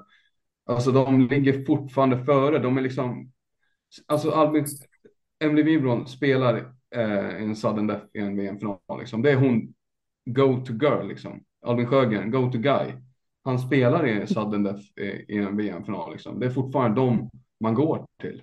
Eh, det finns ingen som gör det bättre. Alltså, jag tycker det är Ja. Men du har ju, alltså, du har ju Galante också, han har ju varit med länge, liksom duktig, alltså inte bara duktig, superstar. eh, duktig var kanske, ja, helt, helt okej okay, sådär. Eh, lite som en gott iblandat på sig, helt okej. Eh, nej, men alltså han är ju en riktig polypåse eh, som, är min, som är min favoritgodis, vilket säger ganska mycket. Han är ju också så skön och härlig att kolla på. Eh, och sen alltså Kim Nilsson är ju också otroligt bra och spelat länge liksom. Så det är ju klart att det finns utmanare. Men eh, om du säger Alvin Sjögren så får jag väl lita på dig eftersom du har förmodligen bättre koll än mig. Men eh, det är väl två kandidater som jag ser som skulle kunna utmana honom. Ja, det, och det är, helt, det är också två namn som fortfarande, trots också de är ännu äldre och fortfarande gör det. Mm. Så det är också valid candidate. Liksom. Eh, får du, inte, du, får inte glömma heller att Kim, Kim Nilsson har väl ändå varit någon form av superstar liksom för Kalmarsund eh, redan liksom när de tog sig upp och liksom har ju säkert burit det laget på sina axlar. Um, så där kanske du har en lite mer kandidat som har, ja, enligt mina ögon i alla fall och som, som jag uppfattat det, varit lite mer ensam star uh, för sitt lag. Sen så har det väl liksom ändrats nu när de har, har blivit bättre som lag också, att det kommer fler stjärnor. Helt rätt, helt rätt där faktiskt. Uh, Albin Sjögren Millions of people have lost weight with personalized plans from Noom. Like Evan, who can't stand salads and still lost 50 pounds. Salads generally for most people are the easy button, right? For me, that wasn't an option. I never really was a salad guy. That's just not who I am. But Noom worked for me. Get your personalized plan today at Noom.com. Real Noom user compensated to provide their story. In four weeks, the typical Noom user can expect to lose one to two pounds per week. Individual results may vary. Hiring for your small business? If you're not looking for professionals on LinkedIn, you're looking in the wrong place. That's like looking for your car keys in a fish tank. LinkedIn helps you hire professionals you can't find anywhere else, even those who aren't actively searching for a new job but might be open to the perfect role. In a given month, over 70% of LinkedIn users don't even visit other leading job sites. So start looking in the right place. With LinkedIn, you can hire professionals like a professional. Post your free job on linkedin.com slash people today. Spelar i ganska bekväm omgivning får man säga. Det är inte jättebra mm. spelare han har runt sig heller. Så att eh, det är klart helt rätt. Mm. Ja, det, jag, jag tänkte slänga fram någon Falun-spelare. De skulle vara galant. Jag har tänkt på Malte Lundmark, liksom, men eh, det är ju samma där. De spelar ju väldigt bra omgivning allihopa. Men just Malte eh, är ju liksom the next, the next one typ där. Och han gör ju väldigt mycket bra på egen hand. Liksom. Eh, jag är helt säker på att han skulle göra jättemycket poäng i ett sämre lag också. Så pass, han är ju intelligent. Så det tvivlar jag inte på. Men absolut, Sjögren får väl koras till den här höstens bästa spelare då. I så fall. Eh, Inte For... bästa spelare, men bästa forward. Ja, bästa forward. Precis. Jag tänkte vi går vidare till eh, backarna nu, vad blir det? Va? Det var den ordningen jag hade för mig att jag hade tänkt. Och eh, ska vi börja med damsidan så finns det en back som jag tycker är imponerat. Jag, jag har haft jättesvårt faktiskt med backarna, både dam och herr, måste jag erkänna. Det har varit... Eh, jag vet inte riktigt vad, vad jag landar i, men eller jag vet vad jag landar i, men jag vet liksom inte. Det har varit svårt tycker jag. Eh, mm. Ja, Matilda Ekelinde slänger jag upp där, eh, damsidan. Eh, precis, hon har missat några matcher, men eh, spelat tillräckligt många för att kvalificera sig. Mm. Gjort typ 14 poäng på 10 matcher, någonting sånt där tror jag, som back. Eh, ja, jag tycker nog att hon, hon är absolut på väg uppåt som, som en jätteduktig back och har ju varit med nu i senaste landslagssammanhangen och sådär. Um, kanske fortfarande lite frågetecken kring lite ojämnhet. Uh, alltså, vi har inte sett henne vara på den här nivån så, allt, så länge om du till exempel jämför med liksom Ida Sundberg. Uh, så det, jag tycker absolut att det är en uh, världsklassback eller på uprising. Um, men eh, om, om det är bästa backen vet jag inte om jag kanske hon håller helt med dig med tanke på att hon, eh, hon passade mig några gånger senaste landskampen och höll på att ställa till det lite för mig. Där kommer det. Uh, ja, ja. Oj. Nej, men det är lite kul det var när, mot Finland där så, så var det nog mina egna backar som tyckte att det var lite roligt att testa mig kanske. Så mitt framför mål i, i målvaktsrutan så tappade hon bollen eller passade bak den till mig. Det var ju tur att jag satt ner, annars hade det blivit mål. Jag hade inte hunnit ner kan jag lova, hon stod kanske maximeter ifrån. eh, du sov inte i alla fall, det var ju skönt. Nej, inte då, det gjorde jag inte. Eh, men hon, hon har en fantastisk speed. Ehm, och eh, alltså hennes klubbteknik är ju magisk eh, och eh, riktigt bra skott också. Så att det, det kommer ju bli en, en världsback om hon fortsätter tror jag. Det är lite, jag vet inte vad jag får det ifrån, men det är typ lite så här kropp. Dels har hon ju samma fattning och sen är det lite kroppshållning tror jag. Men sen är, skiljer de sig ganska mycket på vissa saker. Men de delar ju skottet där. jag tänker på Isabelle Krantz. Ja, ja men precis. Alltså, Krappan ja. Mm. Ja, henne har ju du spelat ja. mycket mot och med gissar jag. Ja, hon har ju varit med eh, liksom, i SSL-sammanhang väldigt, väldigt länge när jag varit med. Så Eh, nej men det, är ju, det var ju en fantastisk spelare. Henne sak det är en karaktär och profil man saknar. Eh, som vi pratade, liksom, in, inför det här poddavsnittet så sa jag att jag eftersaknar lite profilerna i SSL. Vart är de någonstans? Eh, och där har vi ju en, eh, Kratta nu var ju absolut störtskön på intervjuer, bjöd mycket på sig själv och som spelare på plan också. Så det är en profil man saknar i, i SSL tycker jag. Eh, men jag, men jag håller med att, eh, att hon har väl säkert lite liknande egenskaper som du säger, lite med kroppshållning där och så. Jag tycker Ekelinde har lite, lite hockeyinfluenser nästan, eh, lite sådär, jag vet inte, ja, lite svårläst. Jag kanske sticker ut hakan nu, men jag tycker att det är li, lite så här hockeyinfluenser på, på Ekelinde. Men jag, jag diggar henne faktiskt ordentligt. Hon är jättehärlig att se och spela. Ja, men jag hoppas hon inte håller på med sådana här äh, konstiga grejer mer i landslaget i alla fall. hon ville väl bara kolla att jag var vaken. ja. ja, kaxigt i så fall. Men äh, nej, äh, hon är absolut inte liksom, det är inte så att, ja, hon har gjort en bra höst tycker jag. Det är, det är hösten jag liksom tittar på här. Äh, mm. Men det hon har ju mycket kvar tycker jag också, håller helt med dig där. Innan hon liksom ska vara någon slags färdig jag är ju en sån, jag håller Ida Sundberg jättehögt eh, i en backdiskussion till exempel. Eh, det finns mm. andra backar också, men jag vågar inte stå för de namnen. Jag funderar på en sån som Linnea Wilhelmsson till exempel. Det var ett alternativ, eh, men jag vet inte. Det är också en, det är ingen offensiv back överhuvudtaget och det är ju, tycker jag det blir lite populistiskt ibland när till exempel Magget eller andra, det är ju mycket poänglinjer som bedöms. Och nu har jag själv tagit ut en poängglad back så att jag kastar i sten i glashus. Men jag uppskattar ju defensiva backar och Ida Sundberg som sagt håller jag jättehögt. Men Linnea Wilhelmsson känns ju som en yngre sådan som också är lite så här på G. Jag vet inte om det är någon du har tittat jättemycket på, liksom spelar inte i samma lag och Nej, alltså nu måste jag erkänna att jag, jag kan inte minnas vem det här är. Det här är ju jättehemskt. Men jag, jag får väl stå för det och eh, de, jag ja. ber om ursäkt eh, om du hör det här. Men jag har totalt fått blackout på, på, på det namnet. Nej men det är ju så här också, då tycker jag vi måste nästan, det är nästan en så, alltså vi får ju säga det till Linnea Wilhelmsson att du måste ju höja dig liksom ut, ut, alltså säg någonting i media, ut och säg, alltså stå för någonting, höj rösten liksom ta lite ansvar. Alltså, jag... jag... blir den här profilen så att jag kan pinpointa exakt, just ja, det är den backen som alltid ja. gör det där ja. Mm. Men ja, sen, nej, men... to be fair, jag kanske inte har lika stor koll på backarna eh, och framförallt inte de defensiva backarna eftersom det är inte de jag möter oftast. Liksom. Jag har ju mer research liksom, på, på de offensiva spelarna, så det, det får vara min ursäkt och så får jag ta på mig eh, skam, skammen här nu och göra min research till nästa gång helt enkelt. Så kanske jag kommer få äta upp det här så kommer hon sätta tre baljor på mig nästa gång.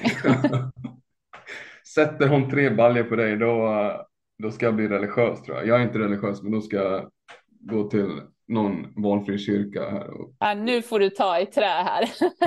nej, men, nej, men eh, vi kan klippa bort det här också så att du behöver inte skämmas för det. Eh, det nu Nej, men det bjuder jag gärna på. Ja. Ja, men bra, bra surr ändå. Samuel, du missar grejer. Uh... Ja, det verkar som ja. det. Ja, jag och Gustav håller inte riktigt med varandra här på bästa backen. Jag vill nog ändå säga eh, Ida Sundberg utan tvekan. Eh, tryggheten själv, Eh, och otroligt duktig i värderingsspelet. Eh, och det är otroligt svårt att utmana henne. Så att eh, nej, jag håller nog henne fortfarande högst, även om Ekelinde har gjort en fantastisk start på den här säsongen. Sorry Ekelinde, men Ida går nog före dig i min bok just nu. Men jag hoppas att du tar det som en tändväska och ska visa att jag har fel. Okej, men eh, ett tredje alternativ då, Lisa Karlsson, har hon gjort en jättedålig höst? Nej, hon är ju också fantastiskt duktig eh, och framförallt hennes mindset hyllar jag. Jag har ju spelat med henne eh, och jag kommer ihåg redan från första säsongen i Täby när vi kom på fysträningen. Nu ska inte jag säga att jag är så, så himla duktig kanske på löpningen så, men jag kommer ändå ihåg att jag kämpade där vid hennes sida första säsongen. Sen så, alltså hon är en maskin. Alltså det finns nog, det är väl hon och Sofie Sveds där i Täby som eh, som springer om, eh, om folk på Cooper-test och vad det kan vara. Eh, och springer väl säkert upp mot 14 på, på BIP liksom. Så hon har gjort en, en otrolig resa och både fysiskt och liksom innebandymässigt. Eh, så hon håller jag också väldigt, väldigt högt. Det är lite som Klara Molin kanske om man tänker utespelare då. Eh, lite av den motorn i ett lag. Jag har jättesvårt att se ett Täby utan Isak Karlsson faktiskt. Det, för mig är hon en av de alltså så här, tydligaste MVP-spelarna om man pratar utespelare för sitt lag. Alltså det är jättesvårt att se hur Täby skulle klara sig liksom, faktiskt. Ja, men som du säger, hon bidrar ju med, med både pondus, inställning, eh, mindset. Alla de delarna är hon ju absolut drivande i. Eh, fantastisk människa på sidan av också, om man får flika in det. Men, eh, nej, men hon är ju, hon ger sig ju aldrig. Alltså, man säger it's not over until the fat lady sings och eh, det tycker jag att hon eh, personifierar väldigt ofta. Att hon, eh, hon kämpar för sitt lag och sliter för sitt lag utan dess like. Liksom. Så jag håller nog med dig där att hon är, hon är otroligt duktig på det. Men eh, vem får titeln då? Ida Sundberg kan jag känna kanske, ja, hon går nog före min bok också va? Eh, jag vet inte eh, riktigt. Jag vet inte var du får Ekelind ifrån Gustav? 14 poäng på 10 matcher. Eh, det får jag härifrån. Eh, mm. jag... Ja, men jag, jag, säger nog Ida Sundberg i alla fall. Jag håller, jag håller kvar på det fast det finns otroligt många bra utmanare och jag tycker Moa Köppe är också en, en, en liksom jättebra back um, för sitt Kalmarsund nu så att uh, det finns många utmanare.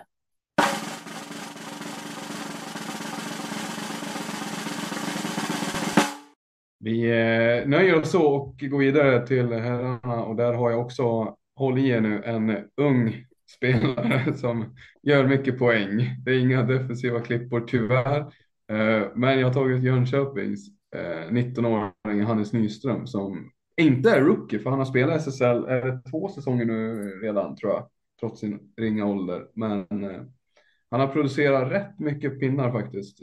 20 eh, poäng tror jag hittills och eh, han är rätt högt uppe i backarnas, backarnas poängliga med det. Eh, så att därför har jag plockat ut honom. Tror jag. Nej, gud, nej förlåt. Shit. Nej, nu kan jag bort mig jättemycket. Vänta lite. Eh, jo, nej, men det måste vara han. Jag har blandat upp honom med en till. Jag har en annan, ett annat namn på en spelare som har överraskat mig positivt. Men nej, det måste vara han som är backen. Ja, det måste vara det. Är det höstens back i serien? Hannes Nyström. Alltså under hösten här har han gjort det bäst tycker jag. Så att eh, kör. Eh, nej men jag har hört namnet och följt lite grann där och också fått, eh, känns som att eh, det är ett namn i, i innebandy Sverige så eh, att han har gjort en jättebra säsong. Sen är jag ju lite mer för att backar ska vara defensiva. De ska ju hjälpa oss målvakter.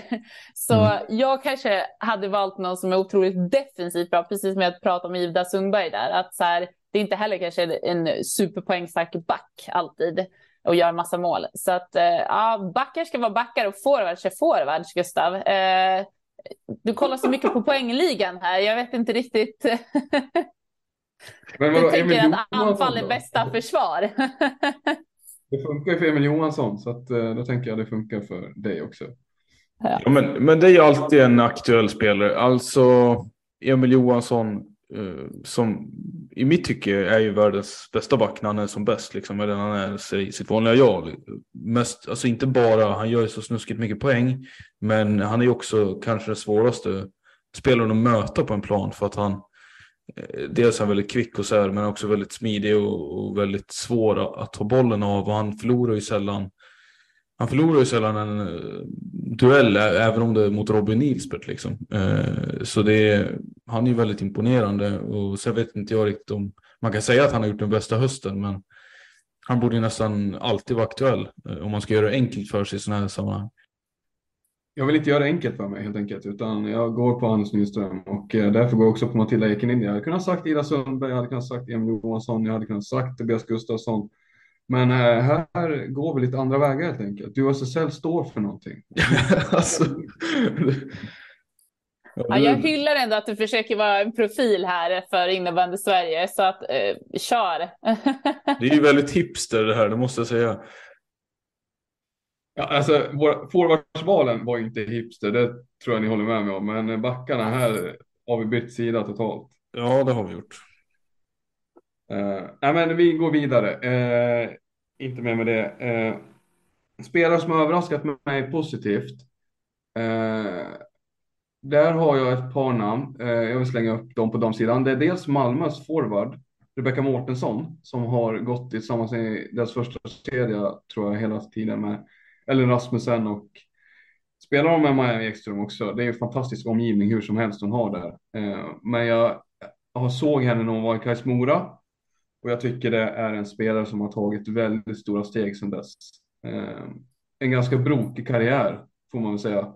Men jag tycker mm. hon har gjort det fantastiskt bra i den där omgivningen. Och det, alltså visst, det är lätt att spela, kanske med Rasmussen, jag vet inte. Eh, det har Matilda bättre koll på säkert. Men alltså det, man ska ju leverera också. Det är en sak att få chansen bredvid bra spelare, men du ska ju ta tillvara på det också. Det tycker jag Rebecka Mårtensson har gjort. Och har ett fantastiskt poängsnitt så här långt. Eh, så det tycker jag hon ska hyllas för. Eh, och därför är hon ett av de namnen jag har tänkt på här. Ja, eh, jag håller nog ganska mycket med det där. Jag också, tanken har nämligen slagit mig själv under säsongen att jag blev väldigt förvånad ehm, när jag såg liksom highlights så mycket matcher att så här, oj, hon har verkligen eh, liksom steppat upp där med med poängen och då, som, som du säger i den omgivningen. Men det är ju inte alltid jättelätt heller att spela med kanske eh, stjärnor på pappret heller. För att pressen ökar ju att man ska sätta den när man kanske får den här sidledspassen. Liksom. Eh, så jag tycker att hon har gjort det jättebra den där säsongen och eh, känns verkligen som att hon har kommit till sin rätt i Malmö. Och det är jättehärligt att se som du säger kanske efter en en karriär som har varit lite upp och ner eh, och varit i Mora och allt det där. Men eh, jag tycker absolut att hon var en positiv överraskning i årets SSL. Ja, kan bara hålla med. Eh, väldigt kul efter, ja, inte så att hon är supergammal liksom, men 31 år. Eh, inte alla som hittar, hittar det sen igen eh, vid den åldern. Så det, det var överraskande, det måste jag säga. Eh, ska ha cred för det. Ska jag, jag... eller hon cred för det? Lite otydligt. Nej, men eh, ja, du, kan ju, du, kan ju få, du kan ju få cred för att du uppmärksammar henne, men eh, definitivt ska ju hon ha det för att hon har lyckats vända det till något, eh, vända sin karriär, eller hur man ska uttrycka det. Mm. Men det finns ju faktiskt en spelare till som jag tycker har varit lite av ett utropstecken den här säsongen också. Och henne hittar vi ju faktiskt i Lund då. och det är ju Emilie Rosenqvist. Mm. Hon har ju hon har ju ändå varit lite MVP för, för sitt lag eh, och eh, har ett väldigt bra skott. Eh, och jag såg någon, om det var någon match mot Kalmarsund eller så, hon var ju helt eh, magisk där liksom. Ehm, så hon skulle jag nog också vilja stå, slå ett slag för att eh, hon har ju gått lite under radarn också tidigare, men har verkligen eh, varit MVP för sitt Lund den här säsongen. Hon har väl spelat i, ja, hon har ju spelat i Kalmarsund tidigare också. Uh, tänkte mm, säga. Precis. Ja, jag har sett det. Malmö också. Nej, jag håller helt med faktiskt. Hon, hon var, hon var på tapeten uh, faktiskt. Hon har verkligen, nej, jag går inte att säga något annat där. Uh, jättebra namn faktiskt.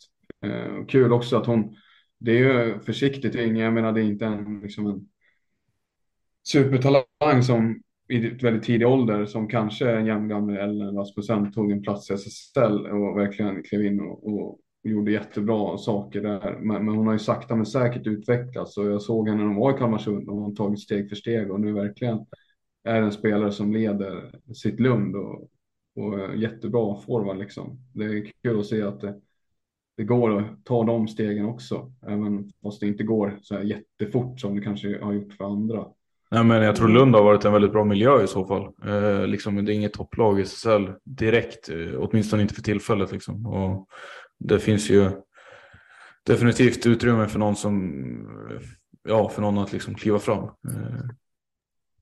Men det finns ju också en, en, en back i Malmö, nu kommer inte jag ihåg namnet på henne, men jag tror att hon eh, blev hyllad av eh, Ellen Asmussen där. Hon hade slagit några härliga mackor och gjort mål. Undrar om hon inte är från eh, Finland, kan det stämma? Måste nästan gå in och kolla om jag hittar vad hon heter här. Men hon har ju varit väldigt duktig i år också. Är det Mettel eller? Uh, ja, om det kan vara det. Ja, precis. Mm, jag kan inte uttala förnamnet. Lida. Lida. Ja, jag ber om ursäkt, men det står. Lida här. Men jag tror att... Uh... Är det Ida med två in? Ja, i, ja, i Ida. jag vet inte. Det är lite oklart det här. Malmö folk, ni måste hjälpa oss med det här. Det här går. Ja. Man kan inte heta Nej, eller det är klart man kan heta, men ni måste hjälpa. Det är klart. Men Gustav, nu får du ju skärpa Det är vi. Det här är ju vårt ansvar att kunna säga namnet tycker jag. Vi får göra bättre research nästa gång. Men jag tycker att hon, eh, hon har ju verkligen varit, eh, blommat ut den här säsongen också, varit jätteduktig för sitt Malmö eh, och fått cred av Ellen också. Så att eh, jag tror på Ellen i alla fall. Hon är också ett namn som varit duktig och sen har vi också Sofia Mittentag i Rönnby eh, har ju också varit en, en överraskning den här säsongen. Ja, hon har faktiskt gjort det bra eh, ganska omgående. Eh, det är lätt att få förväntningar. Jag har jättedålig koll på innan, men hon har gjort absolut. Ja, jag visste inte vem det var innan, så att, eh, därför är hon lite av en överraskning för mig. Supersnabb, vilket skott hon har. Alltså, hon tar verkligen för sig SSL. Ja, nej, det, Rönnby har någonting. Där kan man ju också göra ett avsnitt om dem, men äh, Rönnby har det inte dåligt äh, just nu. De har... Nej, det många spelare som trendar åt rätt håll där får man ju säga. Men eh, vi ska inte dröja oss kvar vid dem. Eh, Rebecka Mårtensson, vi har nämnt jättebra, jätte, jättefina namn här tycker jag. Eh, R-sidan ska få sitt. Eh, där slänger jag nog fram, lite halvtråkigt, jag vet inte, en Skånepåg i Linus Malmström där från Helsingborg. Som lite överraskande, eller lite, det var ju jätteöverraskande måste man ju säga. Alltså, för de som har koll på här innebandy, att han tog en plats i VM-truppen här. Eh, det, måste jag, det står jag för, i alla fall. jag tyckte det var jätteöverraskande. Eh, det finns ju många andra kandidater på den där forwardspositionen som jag hade kanske räknat in skulle få en chans före honom. Men han fick spela och jag tycker han gjorde det bra i VM. Ja, det gjorde han ju. Mm. Mm. Ja, jag tycker inte att det finns så mycket att säga om det. Jag håller med dig där. Jag har ju inte lika stor koll heller på, på här innebandyn som Dan innebandy där. Men, eh, men det är klart att man höjde på ögonbrynet och eh, att det var fantastiskt att han kom med liksom. Eh, så han har ju absolut varit en överraskning och gjort det väldigt bra. Stjärna i kanten från mig i alla fall.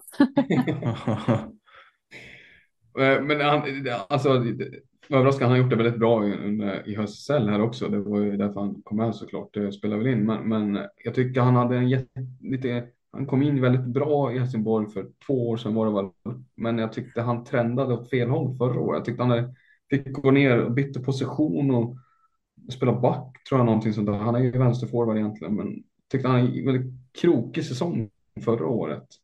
Mm, det var ju ja, självklart att det skulle gå åt det här hållet tyckte jag med honom, men han har verkligen visat att han liksom håller på riktigt. Mm. Men det är ju alltid svårt när man byter position. Eh, alltså, och så ska man komma in i lite nytt spelsätt och eh, förhålla sig till något nytt. Det är, det är alltid en omställning, så är det. Sen heter man kanske inte Emelie Wibron så är det ju en, en liten hårdnöt att knäcka kanske. Det är väl bara hon som, som klarar av den, att ställa om kanske så snabbt. Jag vet inte. Nej, jag, jag, kan ju bara jämföra närmast jag har i huvudet. Rasmus Enström skulle göra samma liksom, från sin mm. forward till backposition och eh, jag tror många håller, såg att första träningarna, första matcherna han gjorde som back var ju liksom, ja. Hade han inte spelat i Falun då hade, då hade det ju ringlat i en kassa bakåt kanske man kan säga. Eh, men ja, det har ju blivit bättre för han också. Så. Ja, det, jag tycker det, skulle, det är en spelare som det skulle bli spännande att följa eh, allt eftersom tycker jag ändå i Helsingborg. Eh, kanske också med när de här äldre killarna i Valgren och Nordgren får för sig att lägga av om de får för sig att göra det snart. Eh, så... Max Wahlgren kommer aldrig sluta spela innebandy. Matilda såg du hans eh, så här, pausintervju han hade med, alltså, efter någon match här. Eh, det var ju ja, typ en vecka sedan kanske. Eh. Apropå profiler. Ja, där har vi en kille. Nej, det där har jag missat. Vad, Nej, men han, är, han, han, är ju inte känd kanske för att uh, träna hårdast på försäsongen, som jag har förstått det. Uh, men uh, han kan ju göra mål i alla fall och ja, det handlade väl helt enkelt om det att han, ja, det, han sa någonting om att ja, du gillar inte eller att han sa någonting om att ja, men du gillar ju du gillar när, när det ska springas. Och, och så svarar han liksom, ja jo visst man, man springer ju upp bollar i krysset, det gör man ju. Eh, det, det, har jag sett, det har jag sett många göra så. Eh, det, blir, det blir inte lika roligt som jag tyckte det var när man tittar på det. Men eh, han sticker ut i en ganska tråkig liksom, SSL-bubbla. Ja, jo, men det där var ju absolut ett roligt uttalande. Eh, nu har vi ju inte Nilsbert kvar här, så det är lite, lite tråkigt för herrarnas SSL. Ja. Han, han, kan ju ändå bjuda på några sköna uttalanden. Sen, sen så kan det ju diskuteras eh, runt om i Sverige hur proffsigt eller oproffsigt man tycker att det är och, och vad man ska ha för nivå. Men eh, det är väl ändå roligt när det, när det händer saker tycker jag, när det rör sig om i grytan. Mm. Ja, absolut. absolut. Har jag missat att ni har kört eh, årets rookie här eller? Nej, det har vi inte gjort. Det har vi inte okay. gjort. Okay. Vi väntar med spänning. Ja, härligt. Ja, vi kommer väl till det tror jag då. Eller nej, vi sparade ett sist. Det finns en punkt kvar. Lag har jag valt ut. Lag som har gjort mig besviken. nu pekar jag med hela fingret här. Uh, Matilda, du kommer känna igen ett lag här. Det är inte, det är inte Sirius. Sitter du och skrattar? Yes! Va? Inte? Nej, men... Ah, eh, Gustav, vi är bästa vänner nu, tack. Nej, men det hade blivit dålig stämning. Jag vågar inte dra den. Jag vågar inte berätta den. Jo, det är lugnt. Eh, nej, men eh, det ska ju finnas en viss typ av, ja, förstår man har vissa förväntningar kanske på att det skulle gå på ett sätt. Ja, när man såg det, de jobbiga spelartappen ni fick så tänkte man kanske inte heller att det, det skulle bli lite jobbigare för Sirius. Man räknade inte med att Sirius skulle vara topp 4 topp 5, topp 6 liksom, utan att det kanske skulle vara en eh, kamp om eh, överlevnad som det var för Kais Mora förra året kanske när de också hade sin. De tappade jättemånga spelare. Strunt i det. Eh, det är Nacka IBK som jag valt som min besvikelse. Kanske inte behövs närmare förklaring, men vi hittar ju dem precis ovanför er under eh, strecket här och eh, med tanke på att de gick till slutspel förra året så hade man väl kanske inte de tankarna att de skulle ligga där nere och brottas nu? Ja, eh, lite spontana tankar är väl att eh, jag pratade, jag pratade en del med Stefanie Dahlbjer ifrån Nacka, eh, målvakten. Eh, och eh, min, min tanke, spontana tanke var att de inte hade tappat så mycket till den här säsongen. Men hon sa att de hade gjort det.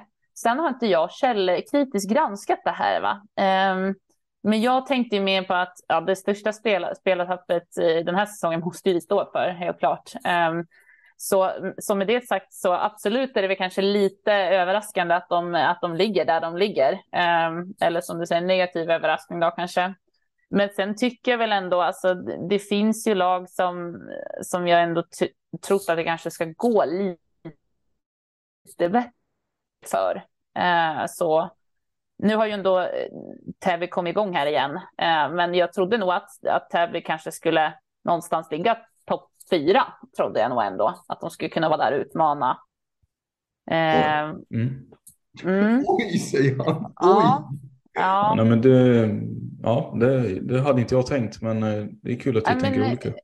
Ja, men jag tyckte att de på försäsongen såg de eh, väldigt starka ut och hade mycket fart under fötterna och vi mötte dem och så. så att, eh, nej, men jag, jag trodde nog att Täby kanske, alltså nu ligger de sexa så, så vem är jag att sitta här och döma. Men eh, jag trodde nog ändå att, eh, att de skulle slåss om någon form av eh, tredje, fjärde plats till och med i, bäst, i bästa fall. Liksom så.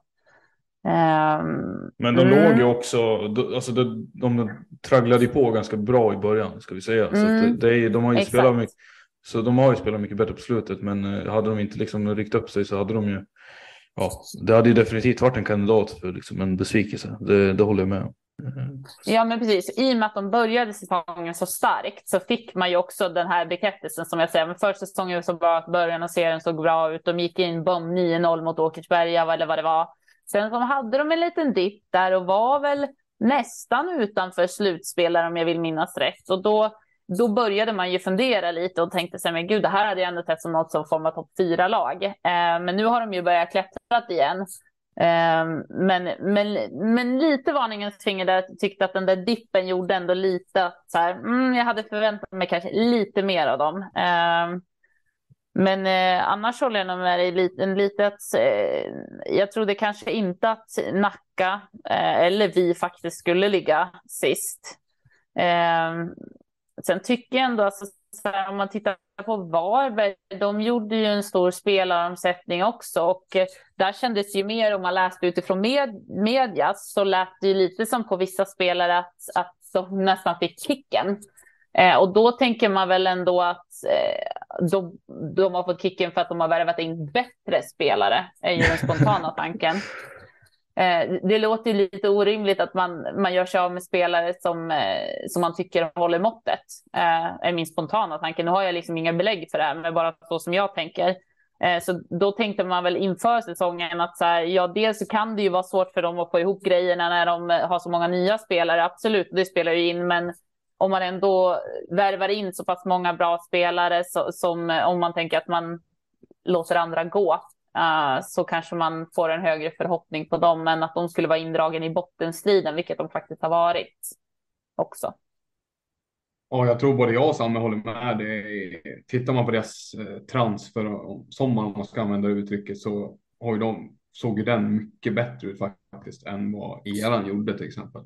Mm. Att, eh, men, ja. eh, men nu har de ju eh, fått några pinnar här på slutet så att eh, de har ju börjat vända en trend.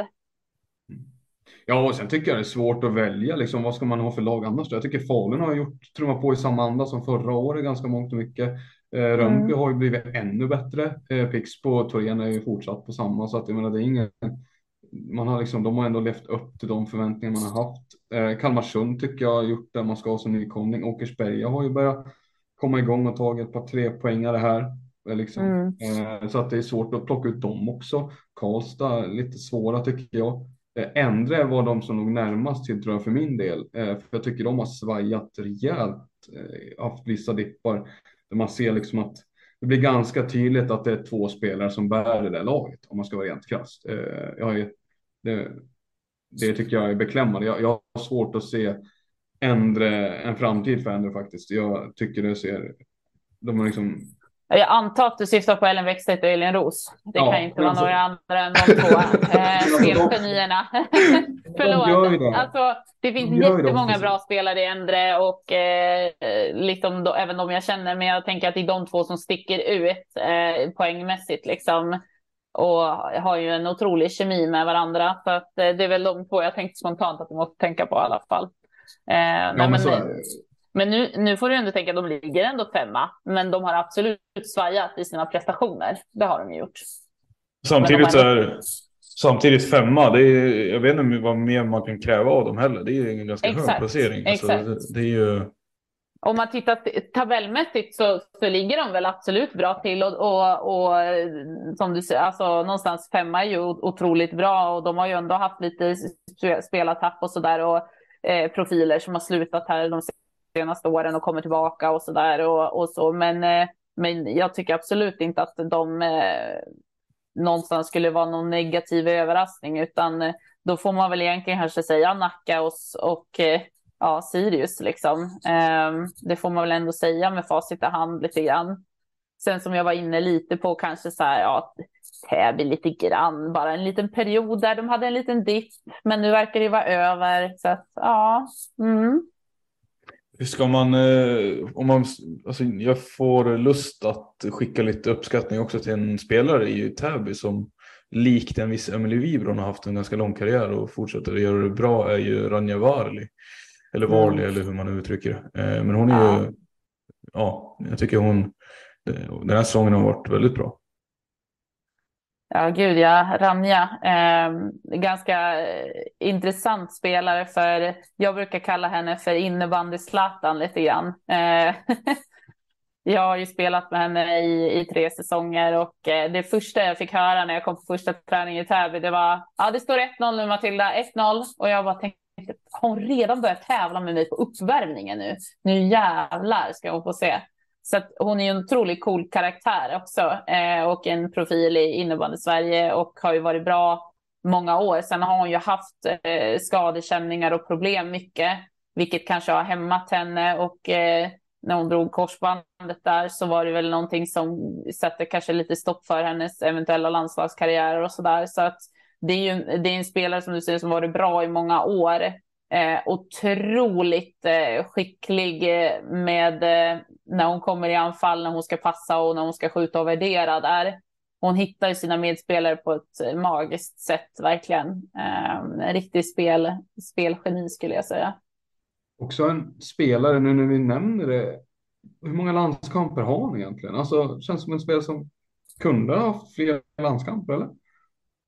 Ja, men hon, om jag inte minns helt fel så för, för något VM sen så stod det väl mellan henne och en till spelare vem som skulle få den sista platsen där tror jag.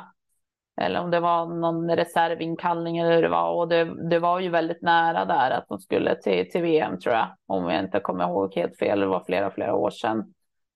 Um, så att jag vet, jag, kan, jag vet inte hur många landskamper hon har eh, alls. Um, men det, det var ju en spelare som absolut eh, skulle kunna spela till sig en, en plats där eh, för, för några liksom, säsonger sedan. Liksom så innan hon, när hon, men jag tror att det, det gick, just med skadan så, så tog det väl lite stopp precis där. Mm. Men det är också just på grund av de här, just på grund av skadebekymmer och sånt där så är det ju fint att hon eh, lyckas fortsätta. Vi, jag, tror hon är, jag tror hon är 32 liksom. Och det är, det är inte allt för många som är i hennes ålder. Det är väl Sara Attemo kanske då som eh, slår henne. Ja, jo, precis. Hon som vägrar sluta brukar vi säga. Nej, men alltså det är också en spelare jag är jättefascinerad av måste jag säga och jag skulle jättegärna om få hit henne på något sätt. Det hade varit jättekul att höra henne faktiskt att hon fortsätter. Jag menar, alltså, hon är ju en profil eh, mm. som du redan har varit inne och benämnt Matilda. Det är, det är en spelare jag verkligen eh, håller henne högt faktiskt. Ja, men just att uh, vara tillgänglig och bjuda på sig själv i mediala situationer, det är jätteuppskattat faktiskt. Uh. Ja, hon är ju otroligt säregen om man tittar bara på innebandyplan, att det är en, en, en otroligt nischad spelare egentligen. Alltså, jag brukar kalla den målvakternas mardröm. Det är ju en spelare som du absolut inte vill möta, som Eh, skulle jag värva någon direkt så hade jag ju värvat henne bara för att jag inte vill möta henne. Eh, om man säger så. Alltså, ja, men, to, to be honest, alltså, och när hon har haft bra omgivning, när, alltså, när hon har spelat på två femmor och så där. Hon har ju gjort liksom säsong med 30-40 poäng och, och liksom så här och eh, varit otroligt duktig poängspelare i, i slutspel för, för Täby. Eh, liksom en av de bättre poängspelarna under slutspel, även fast hon var liksom över 30.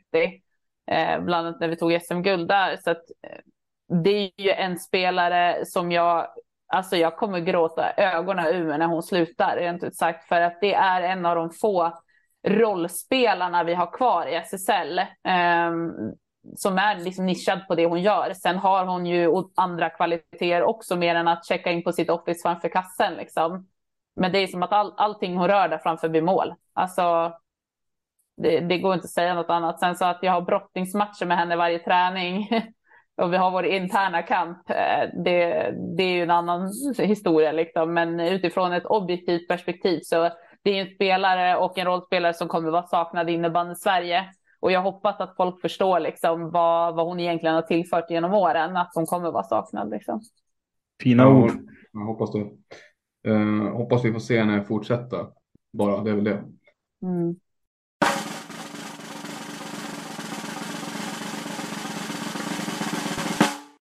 Är det rookie-kategorierna eller? Ja, jag, jag, ska bara slänga ur mig ett lag på här sidan också som har gjort mig besviken och där hade jag fler kandidater faktiskt. Eh, ni får höja er, alltså herregud, alltså på riktigt, höj er. Det är för dåligt. Jag tycker för många lag på den.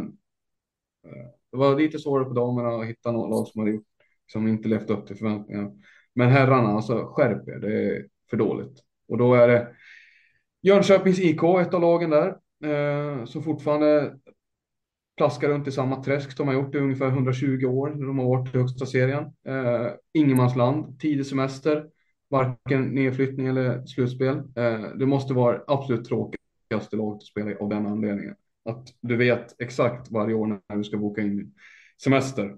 Eh, sen har du Linköping, har hackat rejält. Samma jag har, jag vet inte om jag har sagt det i podden eller om vi, andra privata sammanhang, men Linköping vet jag att du backar mig där i att de har haft det jätteknaggligt, inte alls. Samma har jag haft dem som en toppkandidat inför säsongen och det tip, tipset har du ju fått eh, skämmas rejält för eh, under säsongen här. De har ju precis på en slutspelsplats, men det är ju inte för att de har varit särskilt bra, utan det är mer för att det är flera lag där i samma region som har svajat. Eh, och det är tredje laget jag tänker på, det är Thorengruppen. Som också ligger i kampen där om slutspel. Fast det var ett lag som ungefär, jag vet inte om de kom så långt, men under långt in på hösten så ledde ju de faktiskt eh, herrans serie, vilket var ju sensationellt får man ju säga, eh, tanke på mm. deras resa. Eh, men nu i år är de tillbaka där de har varit kanske de tidigare åren, att de plaskar runt slutspelsstrecket och jag vet inte om det är orimligt att tänka så egentligen. Det är ju deras, är det andra året de har nu eller tredje året? Jag lite tredje va? Ja, men de hade en fantastisk fjolår i alla fall och att det ska komma en liten baksmälla kanske inte helt orimligt, utan då är jag kanske mer besviken på lag som Jönköping och Linköping. Där tycker jag man ska kunna ställa högre krav helt enkelt. Så jag håller inte med dig. Jag, jag, jag skulle ändå säga att Thorengruppen, mitt sätt att, ja, om jag, alltså, så som jag ser det så är de en större besvikelse för att eh, där har du så pass mycket talang och även tidigare erfarenhet. Du har bra, bra kombinationer med unga spelare som bara egentligen tar steg framåt och blir bättre. Eh, men samtidigt som du har rutinerade spelare som du har Jim Johansson där, du har Mattias Ljunggren där, du har Jonas Svan där. Jag tycker det är, det är en jättebra mix på pappret. Och, eh, och de har ju visat jättehöga höjder liksom. Eh, de skulle definitivt inte vara sämre än vad de förra året, tänker man. Men det är de ju klart ändå. Eh, eh, alltså, Jönköping tycker inte man kan kräva jättemycket av. Liksom. De har ett ungt lag eh, de, de, tycks, de har en tydlig modell att de ska utbilda spelare och liksom, de vill inte, ja, jag vet inte, jag, vet inte, jag, jag har ingen aning vad de pröjsar för sin trupp, men jag kan inte tro att de betalar särskilt mycket till spelare heller. Alltså, de, de är i den klubben de alltid har varit. Linköping, ja, kanske. Eh, jag börjar gå i de banorna. Alltså, Palmén ser ganska trött ut när jag ser honom spela. Alltså. Eh, men så tittar jag också att han gör typ, han har ändå gjort 25 poäng hittills, vilket är ganska bra. Eh, så jag får ju ändra åsikt där. Men Jönköping tycker jag inte är någon större besvikelse. Linköping kanske. De har ju dock, jag tror att de har, det har börjat vända lite för dem. Så vi får se. Ja, jag skulle nog säga Linköping. Eh, det är ändå ett lag som har varit liksom ganska stabilt slutspelslag ganska länge ändå tycker jag. Eh, alltså om man tittar på geografiskt sett så tycker man ju ändå att eh, Umeå som stad borde ju ha ganska mycket att erbjuda. Det är liksom både, du kan värva från riget ganska relativt enkelt ändå. Eh, studentstad, alltså du har ju ganska bra förutsättningar att locka bra innebandyspelare till Umeå. Alltså jag som är uppvuxen i Övik har ju, alltså Umeå har ju alltid varit innebandymeckan, någonstans lite innebandyns huvudstad liksom så. Ehm, så att om man tittar geografiskt sett så borde ju liksom Team Thorengruppen kunna liksom ha goda spelare att plocka liksom. Men, men om man tittar utifrån eh, ja, men hur det har sett ut säsongsmässigt tidigare år och så vidare så tycker jag att Linköping är absolut den som, eh, som överraskas mest negativt liksom så. Det, alltså jag vet inte riktigt vad man ska tänka i Linköpings fall, men det är väl att de har ett lag som har varit väldigt, alltså det är typ, de har haft samma kärna av spelare liksom som blir, de blir äldre eh, och de blir inte, de får inte in så, så mycket nytt, i alla fall inte som är så, så där jättebra. Eh, så det, det kanske är en bidragande orsak tänker jag eh, i det. Alltså de flesta är ju 30 eller äldre liksom. Eh, det borde ju spela in tänker jag. Ja, men där har du också möjligheten att det är en studentstad, bra studentstad. Alltså du har ju liksom möjligheter att kunna då behålla den här kärnan samtidigt plocka in eh, nya spännande talanger. Liksom. Eh, om du tittar på Jönköping så, eh, så anses det ju inte vara lika mycket typ av studentstad där du kanske kan dra in de här liksom, yngre förmågorna på samma sätt. För många vill ju kanske plugga och spela innebandy samtidigt, så som det ser ut i dagens samhälle. I alla fall att de flesta går kanske inte direkt ut och jobbar efter gymnasiet. Eh, så att Jönköping tänker jag att det är väl ganska förväntat någonstans att att de ska ligga där de ligger med, med, med den spelartrupp de har. Som ni sa, att det är unga spelare och så vidare. Men de har ju inte heller som stad så att de kan. Det är ingen storstad. Det är ingen studentstad på samma sätt. De har ju liksom mycket ingenjörer när det gäller byggnad och sånt där. Men eh, då tycker jag ändå att både Umeå och Linköping har ju större möjligheter att, att locka spelare. Eh, men jag tycker att Linköping utifrån vad de har legat tidigare är fortfarande liksom mitt, mitt alternativ i, det, i den här kategorin, absolut.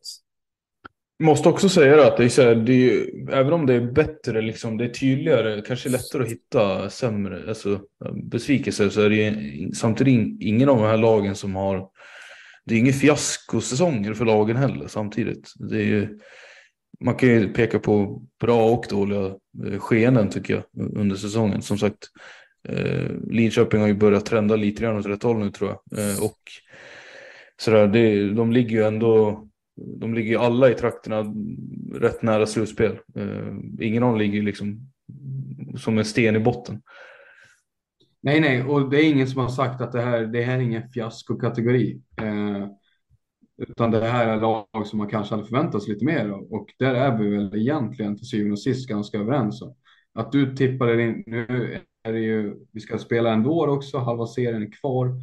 Men eh, du hade väl inte räknat med att Linköping skulle snitta en poäng per match. De ligger ju väldigt långt efter eh, Falun och Växjö till exempel, Storvreta, i kampen om liksom att få eh, topp fyra, alltså topp fyran tänker jag, som du hade räknat in dem på. De ligger ju väldigt långt efter där. Det är sant, det är väl sant. Jag tror att jag överskattade dem till en början faktiskt. Men eh, sånt kan man inte ta tillbaka.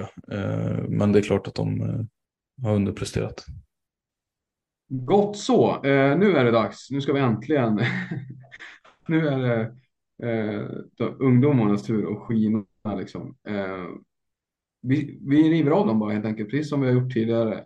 Och, jag, jag, eh, ska, jag ska säga det att jag har faktiskt ett namn eh, som jag tror att vi kommer ha samma. Men på de komma samman? Ja, på damsidans namn tror jag är likadant för oss. Ja, men då räknar jag ner då, får ni säga det på tre. Okej? Okay? ja, absolut. Vi kör på det. Vi kör på det. Ja, ja. ett, två, tre. Hanna Nordström. ni hade samma, ja. Frågan är Matilda, har du samma? Eh, det är absolut en kandidat. Eh, hon är ju väldigt mogen i sitt spel. Eh, alltså det är inte en spelare man ska släppa i ett friläge om vi säger så, eller en två mot etta. Det, hon, eh, hon är otroligt duktig på att värdera och ja, hon, hon gjorde en kasse på mig senast i alla fall, otroligt snyggt i krysset. Så att, det är ju bara att applådera och hatten av för henne. hon är ung och duktig. Men sen så tycker jag att jag, jag vet inte när Sofia Mittentag om hon har spelat i SSL tidigare. Det är inget namn som jag känner, känner igen direkt sådär liksom. Och det är en som skulle kunna vara en, en kandidat för mig. Mm, nej, hon har inte spelat tidigare va? Eh, så det. Nej, nej, alltså hon är rookie-kompatibel, det är hon absolut. Ja, nej, men eh, jag tycker Hanna Nordstrand sett henne lite, lite i och för sig, men det är ganska sinnessjukt. Det hon gör poängmässigt. Eh, vilket jag får tillskriva ganska mycket av varför jag fastnar för henne. Alltså hon har ju gjort, det är ju hennes grej liksom. Men det är imponerande att hon går in som första års, alltså första året helt respektlöst tycker jag och växer in i det. Hon är ju, tittar man på poängsnittet så är hon topp 15 i poängligan. Eh, det är ju enastående. Men också att göra det i ett lag, alltså att vara den stjärnan i det laget också på något sätt. För det är hon ju. Det är också rätt imponerande, tänker jag. Ehm, som 18 år. Både jag och nej. Men alltså, hon är hon är, hon är liksom 18. va? Ja. Spelar ju 19, ja. Nej, men eh, jag tycker Sofia Mittentagen spelar gjort jättebra. Men jag tycker du kan ju se det från två sätt. Jag tänker dels om du är Anna Nordstrand där och eh, du spelar i ett, i ett sämre lag. Då är det klart ett utmaning att du kanske har lite mer press på dig om du ska vara liksom, en, en bärande spelare för laget. Absolut, och den tidiga åldern. Men sen får du också tänka att du får ganska orimligt med eh, speltid. Däremot om du tänker typ Sofia Mittentag då i, i i ett stjärnspäckat Rönnby någonstans där, där de har så otroligt många bra spelare och eh, många bra poängspelare. Det är liksom, visst Vilma Johansson är helt fantastisk och en fixstjärna. Men de har ju liksom en bredd i det laget där det är många som kan kliva fram och då ändå göra de poängen hon gör. Eh, sin första SSL-säsong är ju väldigt starkt eh, i den omgivningen, liksom att ändå stick, sticka ut lite grann och ta för sig på det sättet. Så det är två helt olika utmaningar båda står inför. Ehm, men, men det är kanske som du säger, att om man ändå tittar då på, på så unga Hanna Nordstrand där liksom, och den respektlösheten hon har klivit in med SSL är ju fantastisk. Jag håller, jag håller helt med dig eh, Matilda faktiskt. Eh, det är helt klart, det är en helt annan situation som Sofia Mittentag har. Det, det går inte att, att säga någonting annat eh, och hon är ju inte får ju inte mest speltid. Jag tänker Hanna Nordstrand, det är få spelare som har fler minuter per match eh, på, på banan än vad hon har. Eh, I alla fall när det gäller liksom offensiv väg. Sofia Mittentag har ju. Hon får ju dela, hon, hon, hon, får ju dela den med några andra liksom. Ja, så att eh, ja. Mm. Bra perspektiv tycker jag. Mm. Eh, vad har du på här sidan då? Alltså de är så unga de här, jag förstår inte. Eller det är väl vi, man, en annan som liksom blir äldre och äldre såklart. Men de är så unga, det är helt sinnessjukt. Uh, det är så här, man tänker tioåringar tänker man att de är, men de här är ju, går gymnasiet liksom. Uh, Hanna Nordstrand får nämna en. Men den här herrarnas kandidat är faktiskt ännu yngre. Uh, det är Pixbo Wallenstams Daniel Karlentun. Mm. Backen där som har klivit in och eh, visar också ett självförtroende. Och jag tycker han har varit Pixbos bästa spelare nästan hela hösten faktiskt. Eh, samma där, Pixbo som jag tycker har varit i behov av ny, nya spelare som kommer in. De har haft en kärna som har blivit liksom fallit lite grann i stå. Eh, att få in ett ny, nytt blod liksom har varit väldigt bra för dem. Och jag tycker Pixbo är ligger bra till i tabellen, men jag ser inte Pixbo som, i min bok är inte Pixbo ett slutspelslag. Sen har de gjort det väldigt bra, bevisligen, och ligger där topp fem, eh, sexa nu va, kan det vara så. Eh, men jag tycker ändå att det är väldigt starkt av Daniel Konradsson att gå in och göra så. Eh, för, min, för min del, ett begränsat lag. Jag vet inte om jag håller med dig om att laget är begränsat, liksom, men det är helt klart bara baserat på ålder så är det väldigt imponerande det han gör. Eh, och han har ju visat, eh, precis som i fallet med Nordstrand så, så ser han ju väldigt respektlös ut och kaxig när han spelar. Vilket, ja, det verkar gynna honom väldigt mycket. Han gör ja, rätt... alltså just han tror jag inte, jag tror inte han har jättemånga kompisar runt om i SSL just nu i alla fall. Annars Nej. än hans egna lag. Han, han, ser, han verkar spela ganska grisigt. Mm. Men det är väl ett jättebra alternativ. Jag försöker tänka på vad vi har egentligen mer att uh, lira med i rookieväg. Uh, vi har ju mycket unga spelare men det finns ju redan ganska många talanger som trots allt inte är rookies längre.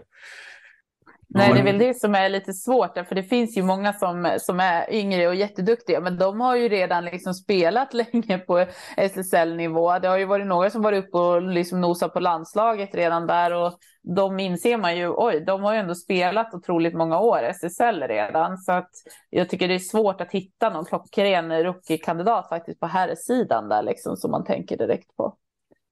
Eh, en kille som var ganska upphypad inför säsongen, det var ju Noah Johansson, han som gick från Lerum till Jönköping då. Han, han har väl gjort det helt okej okay, liksom, men han har inte satt eld och lågor på serien, även om han har varit ganska bra.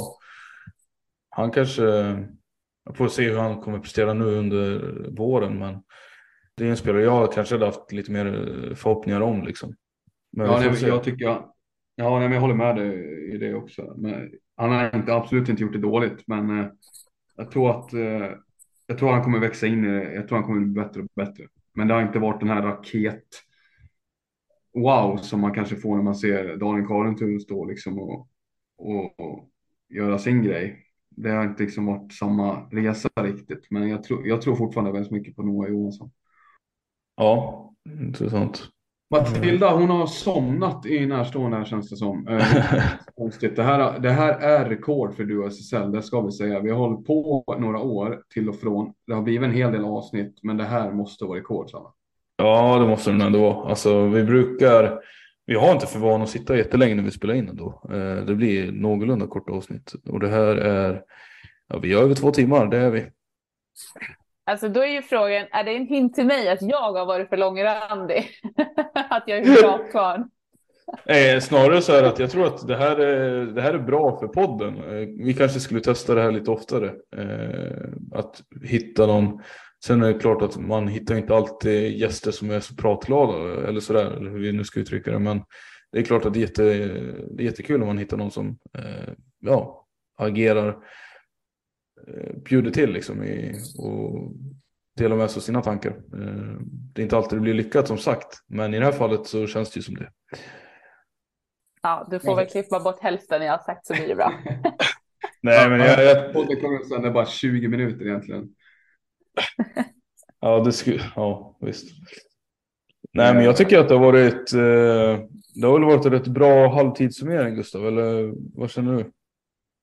Jo, men det tycker jag. Det är jättebra att vi har Matilda i det här fallet, ett tredje liksom, infallsvinkel, perspektiv som jag tycker det är en helt annan dimension faktiskt. Eh, oftast så är ju du och jag ganska överens, Anna. Vi är inte överens i allt och vissa detaljer, men i mångt och mycket så är vi överens om saker och ting. Så att det ger ju något helt annat att Matilda har varit med tycker jag, vilket jag tror folk kommer tycka när de lyssnar också. Mm, precis. Ett litet målvaktsperspektiv. Ja, men inte bara det, utan också liksom, eh, spelarperspektiv. Du har ju rätt bra koll på damserien framför allt. Eh. Ja, men det har jag. Det skulle jag nog säga. En liten mm. innebandynörd där. ja, fint. Vad... Ja, men jättekul har det varit. Eh, frågan är samma om vi ska ge Matilda våra avslutande frågor som vi brukar göra i van, så kallade vanliga gästavsnitt. Oh. Ja, men det förtjänar hon väl. Frågan är bara Jag kommer slänga ut fyra frågor. Eh, det får bli så. Eh, det kanske blir en femte. Vi får se. Men du, får jätte... du ska svara snabbt helt enkelt. Det är poängen. Och sen så får vi tjafsa om vad du har svarat egentligen. Eh, men du, får, du ska svara snabbt och du ska svara helt, helt ärligt. Okej. Okay. mm. Ingen, ja. ingen mediaträning här inte. Nej.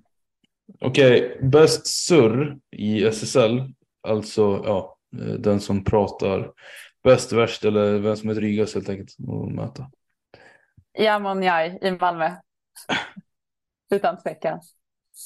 Om du måste byta position, eh, back eller forward? Alltså lätt forward så att eh, jag får visa alla andra hur man gör mål och stå på bortre och smälla in dem på volley. Hur svårt kan det vara tänker jag? SSLs bästa spelare? Oh, eh, Alltså, man får väl vara tråkig och säga Emelie Wibron då kanske. Um, ja, jag får nog säga henne. Vilka vinner SM-guld 2023? Sirius.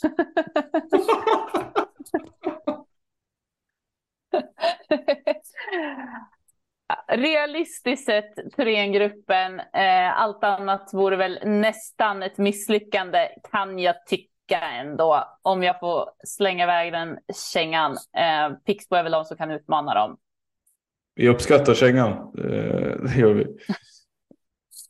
Här... Men med tanke på de spelarna som de har och så många landslag de har eh, sina spelare från så tycker jag att det är en no-brainer egentligen.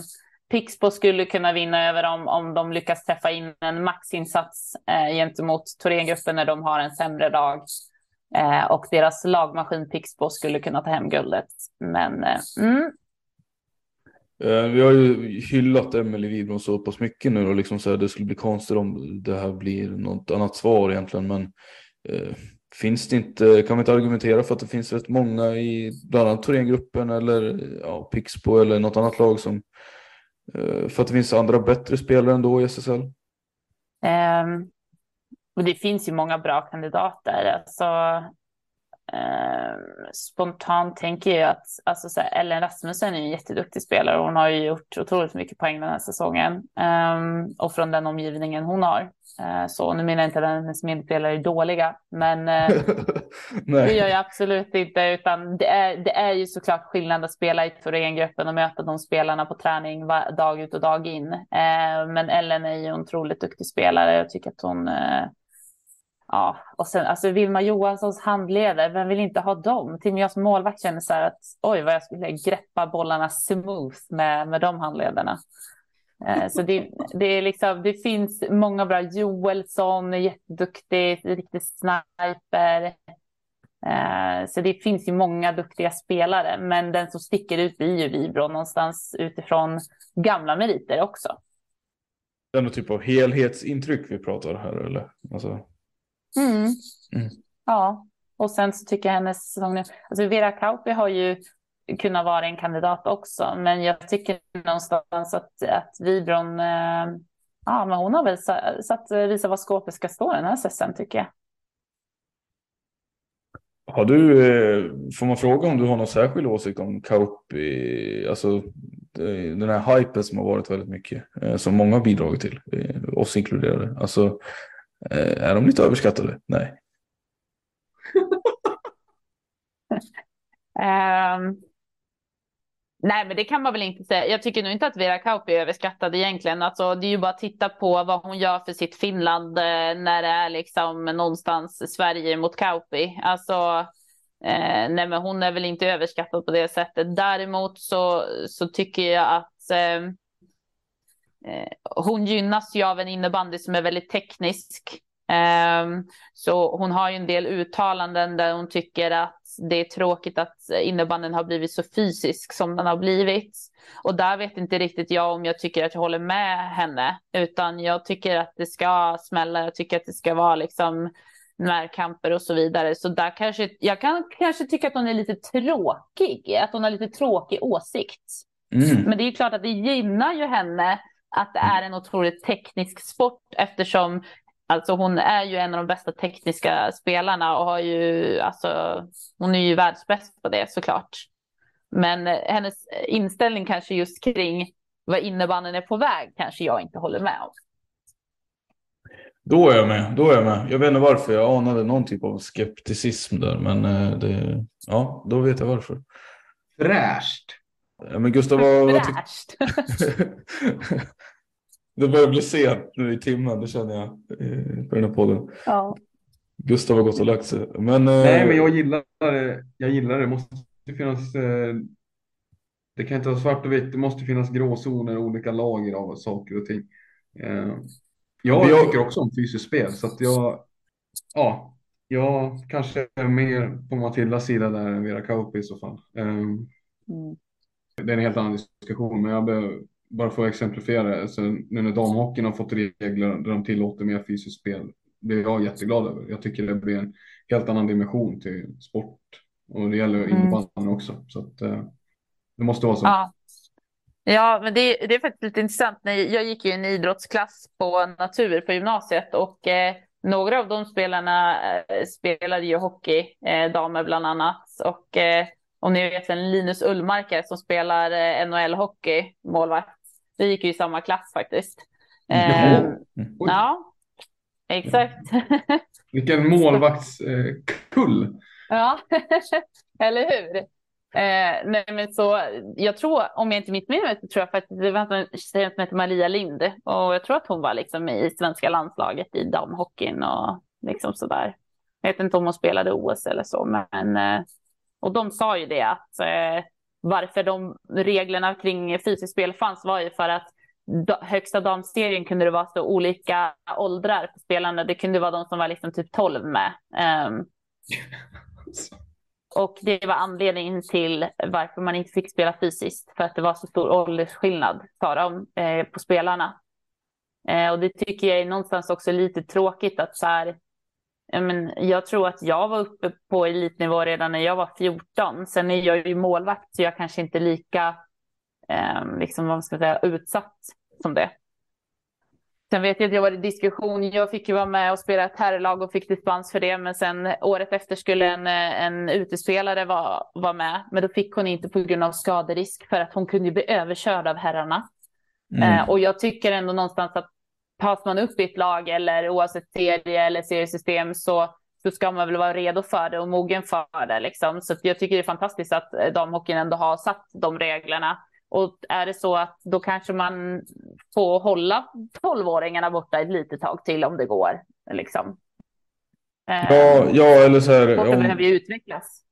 Ja, men visst, alltså de, jag tycker någonstans ska ju de bästa ändå. Om man anses bra nog för att spela en serie så ska man ju spela i den serien. Eh, det, det, är ingen som tvingar någon att, förhoppningsvis, jag vet inte, men det är ingen som tvingar någon, och jag vet i alla fall, att sätta, sätta på sig skorna eller skridskorna och ta, på sig, ta med klubban och ställa sig på banan liksom. Utan alla får ju välja själva om de anser att, ja men om, om man vet att man är en väldigt liten spelare eller så här. Det finns ju fan, vi pratar om Emil Johansson, han är 30 bast men han ser ut som han är, ja han är inte den största killen direkt. Men bara för att man Nej, men liten... exakt, och det är det, men du, du kan ju inte eh, ändra reglerna eller sätta regler utifrån Eh, hur korta folk är eller vilken ålder de är, utan Nej. man måste ju sätta det som är bäst för sporten och, och hur den utvecklas. Liksom. Mm, absolut, det är jag med. Uh... Men bra Samuel, det låter som en jättebra utgång tycker jag. Håller med. Uh, ja. Vad har du lärt dig då Gustav? Jag har lärt mig hur eh, målvaktsstatistik kolumnen fungerar. I de, ja, inte de, men eh, ja, hur man ska tänka egentligen, vilket är väldigt skönt för att jag har inte, det har inte, det har inte gjort mig klokare faktiskt att läsa den där. Jag har liksom tänkt att det, det, nej, det spelar ingen roll. Men nu när Matilda har förklarat så har jag förstått tror jag och kan redo dra slutsatser hädanefter av de siffror som finns, vilket är väldigt roligt. Men jag håller helt med dig Samme, eh, även om jag förstår att det är lite komplext utifrån det Matilda har berättat. Men eh, jag hatar inte att dra paralleller till exempelvis hockeyn och där måste man ju säga att vi ligger ju lite efter dem när det gäller de här bitarna med statistik och hur vi räknar siffror och saker, vilket är lite tråkigt kan jag tycka. Men eh, jag är jätteglad för att jag äntligen förstår i alla fall den här biten. Mm. Har du en statistikfråga så vet du vem du ska ringa. Ja, verkligen. Är det något du vill avsluta med innan vi säger tack för den här gången, Matilda? Nej, men tack snälla för att jag har fått eh, vara med och prata mm. hål i huvudet på er. Och eh, jag får väl be om ursäkt på förhand för alla bloopers man har gjort. Ja, hellre en bloopers för mycket än, än för lite eh, skulle jag vilja säga. det är alltid någonting som folk kan skratta åt och det är alltid härligt. Ja, men verkligen. Glädje. ja, ja, ja, men visst. Eh, och det är tanken att det ska göra. Det, vi, jag tror vi, vi kommer släppa det lagom innan jul så att säga så att folk kommer i stämning. Eh, så det är bra att vi har, hade med dig då. Ho, ho, ho, vilken julklapp ni fick. ja, precis. Nej, men eh, jag gör som så. Eh, vi tackar för oss. Eh, ni, ni som har lyssnat på podden vet ju att ni jättegärna får gå in och gilla den på Spotify eller vad ni nu liksom lyssnar på den. Ni vet också att den finns att lyssna på lite överallt. sådär. Men ja, tack för den här gången. trevlig jul, kanske till och med gott nytt år. Vi får se. Men, God jul i alla fall, Samme. Inte trevlig jul. Sa jag trevlig jul? Ja, du ser ja. det mycket. Det, det kommer jag definitivt klippa bort. God jul på er. 9 är klockan. Vi påminner om att det har varit rekord. Till och med Samme börjar tappa tråden här. Det säger en del. God jul. God jul på er allihopa.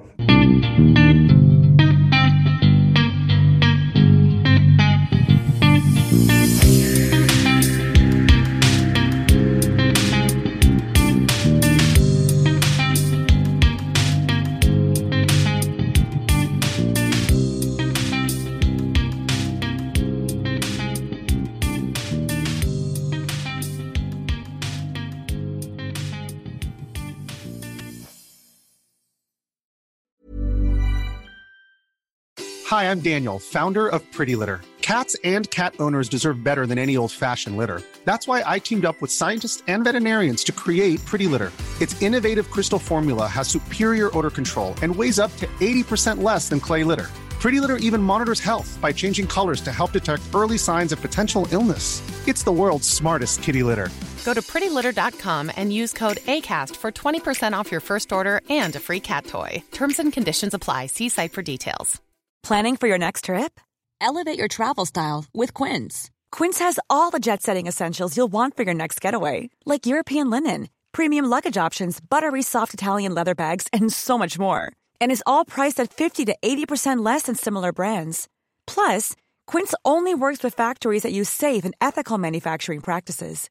Pack your bags with high-quality essentials you'll be wearing for vacations to come with Quince. Go to quince.com slash pack for free shipping and 365-day returns. Mom deserves the best, and there's no better place to shop for Mother's Day than Whole Foods Market. They're your destination for unbeatable savings, from premium gifts to show-stopping flowers and irresistible desserts. Start by saving 33% with Prime on all body care and candles. Then get a 15-stem bunch of tulips for just $9.99 each with Prime. Round out Mom's menu with festive rosé, irresistible berry chantilly cake, and more special treats. Come celebrate Mother's Day at Whole Foods Market.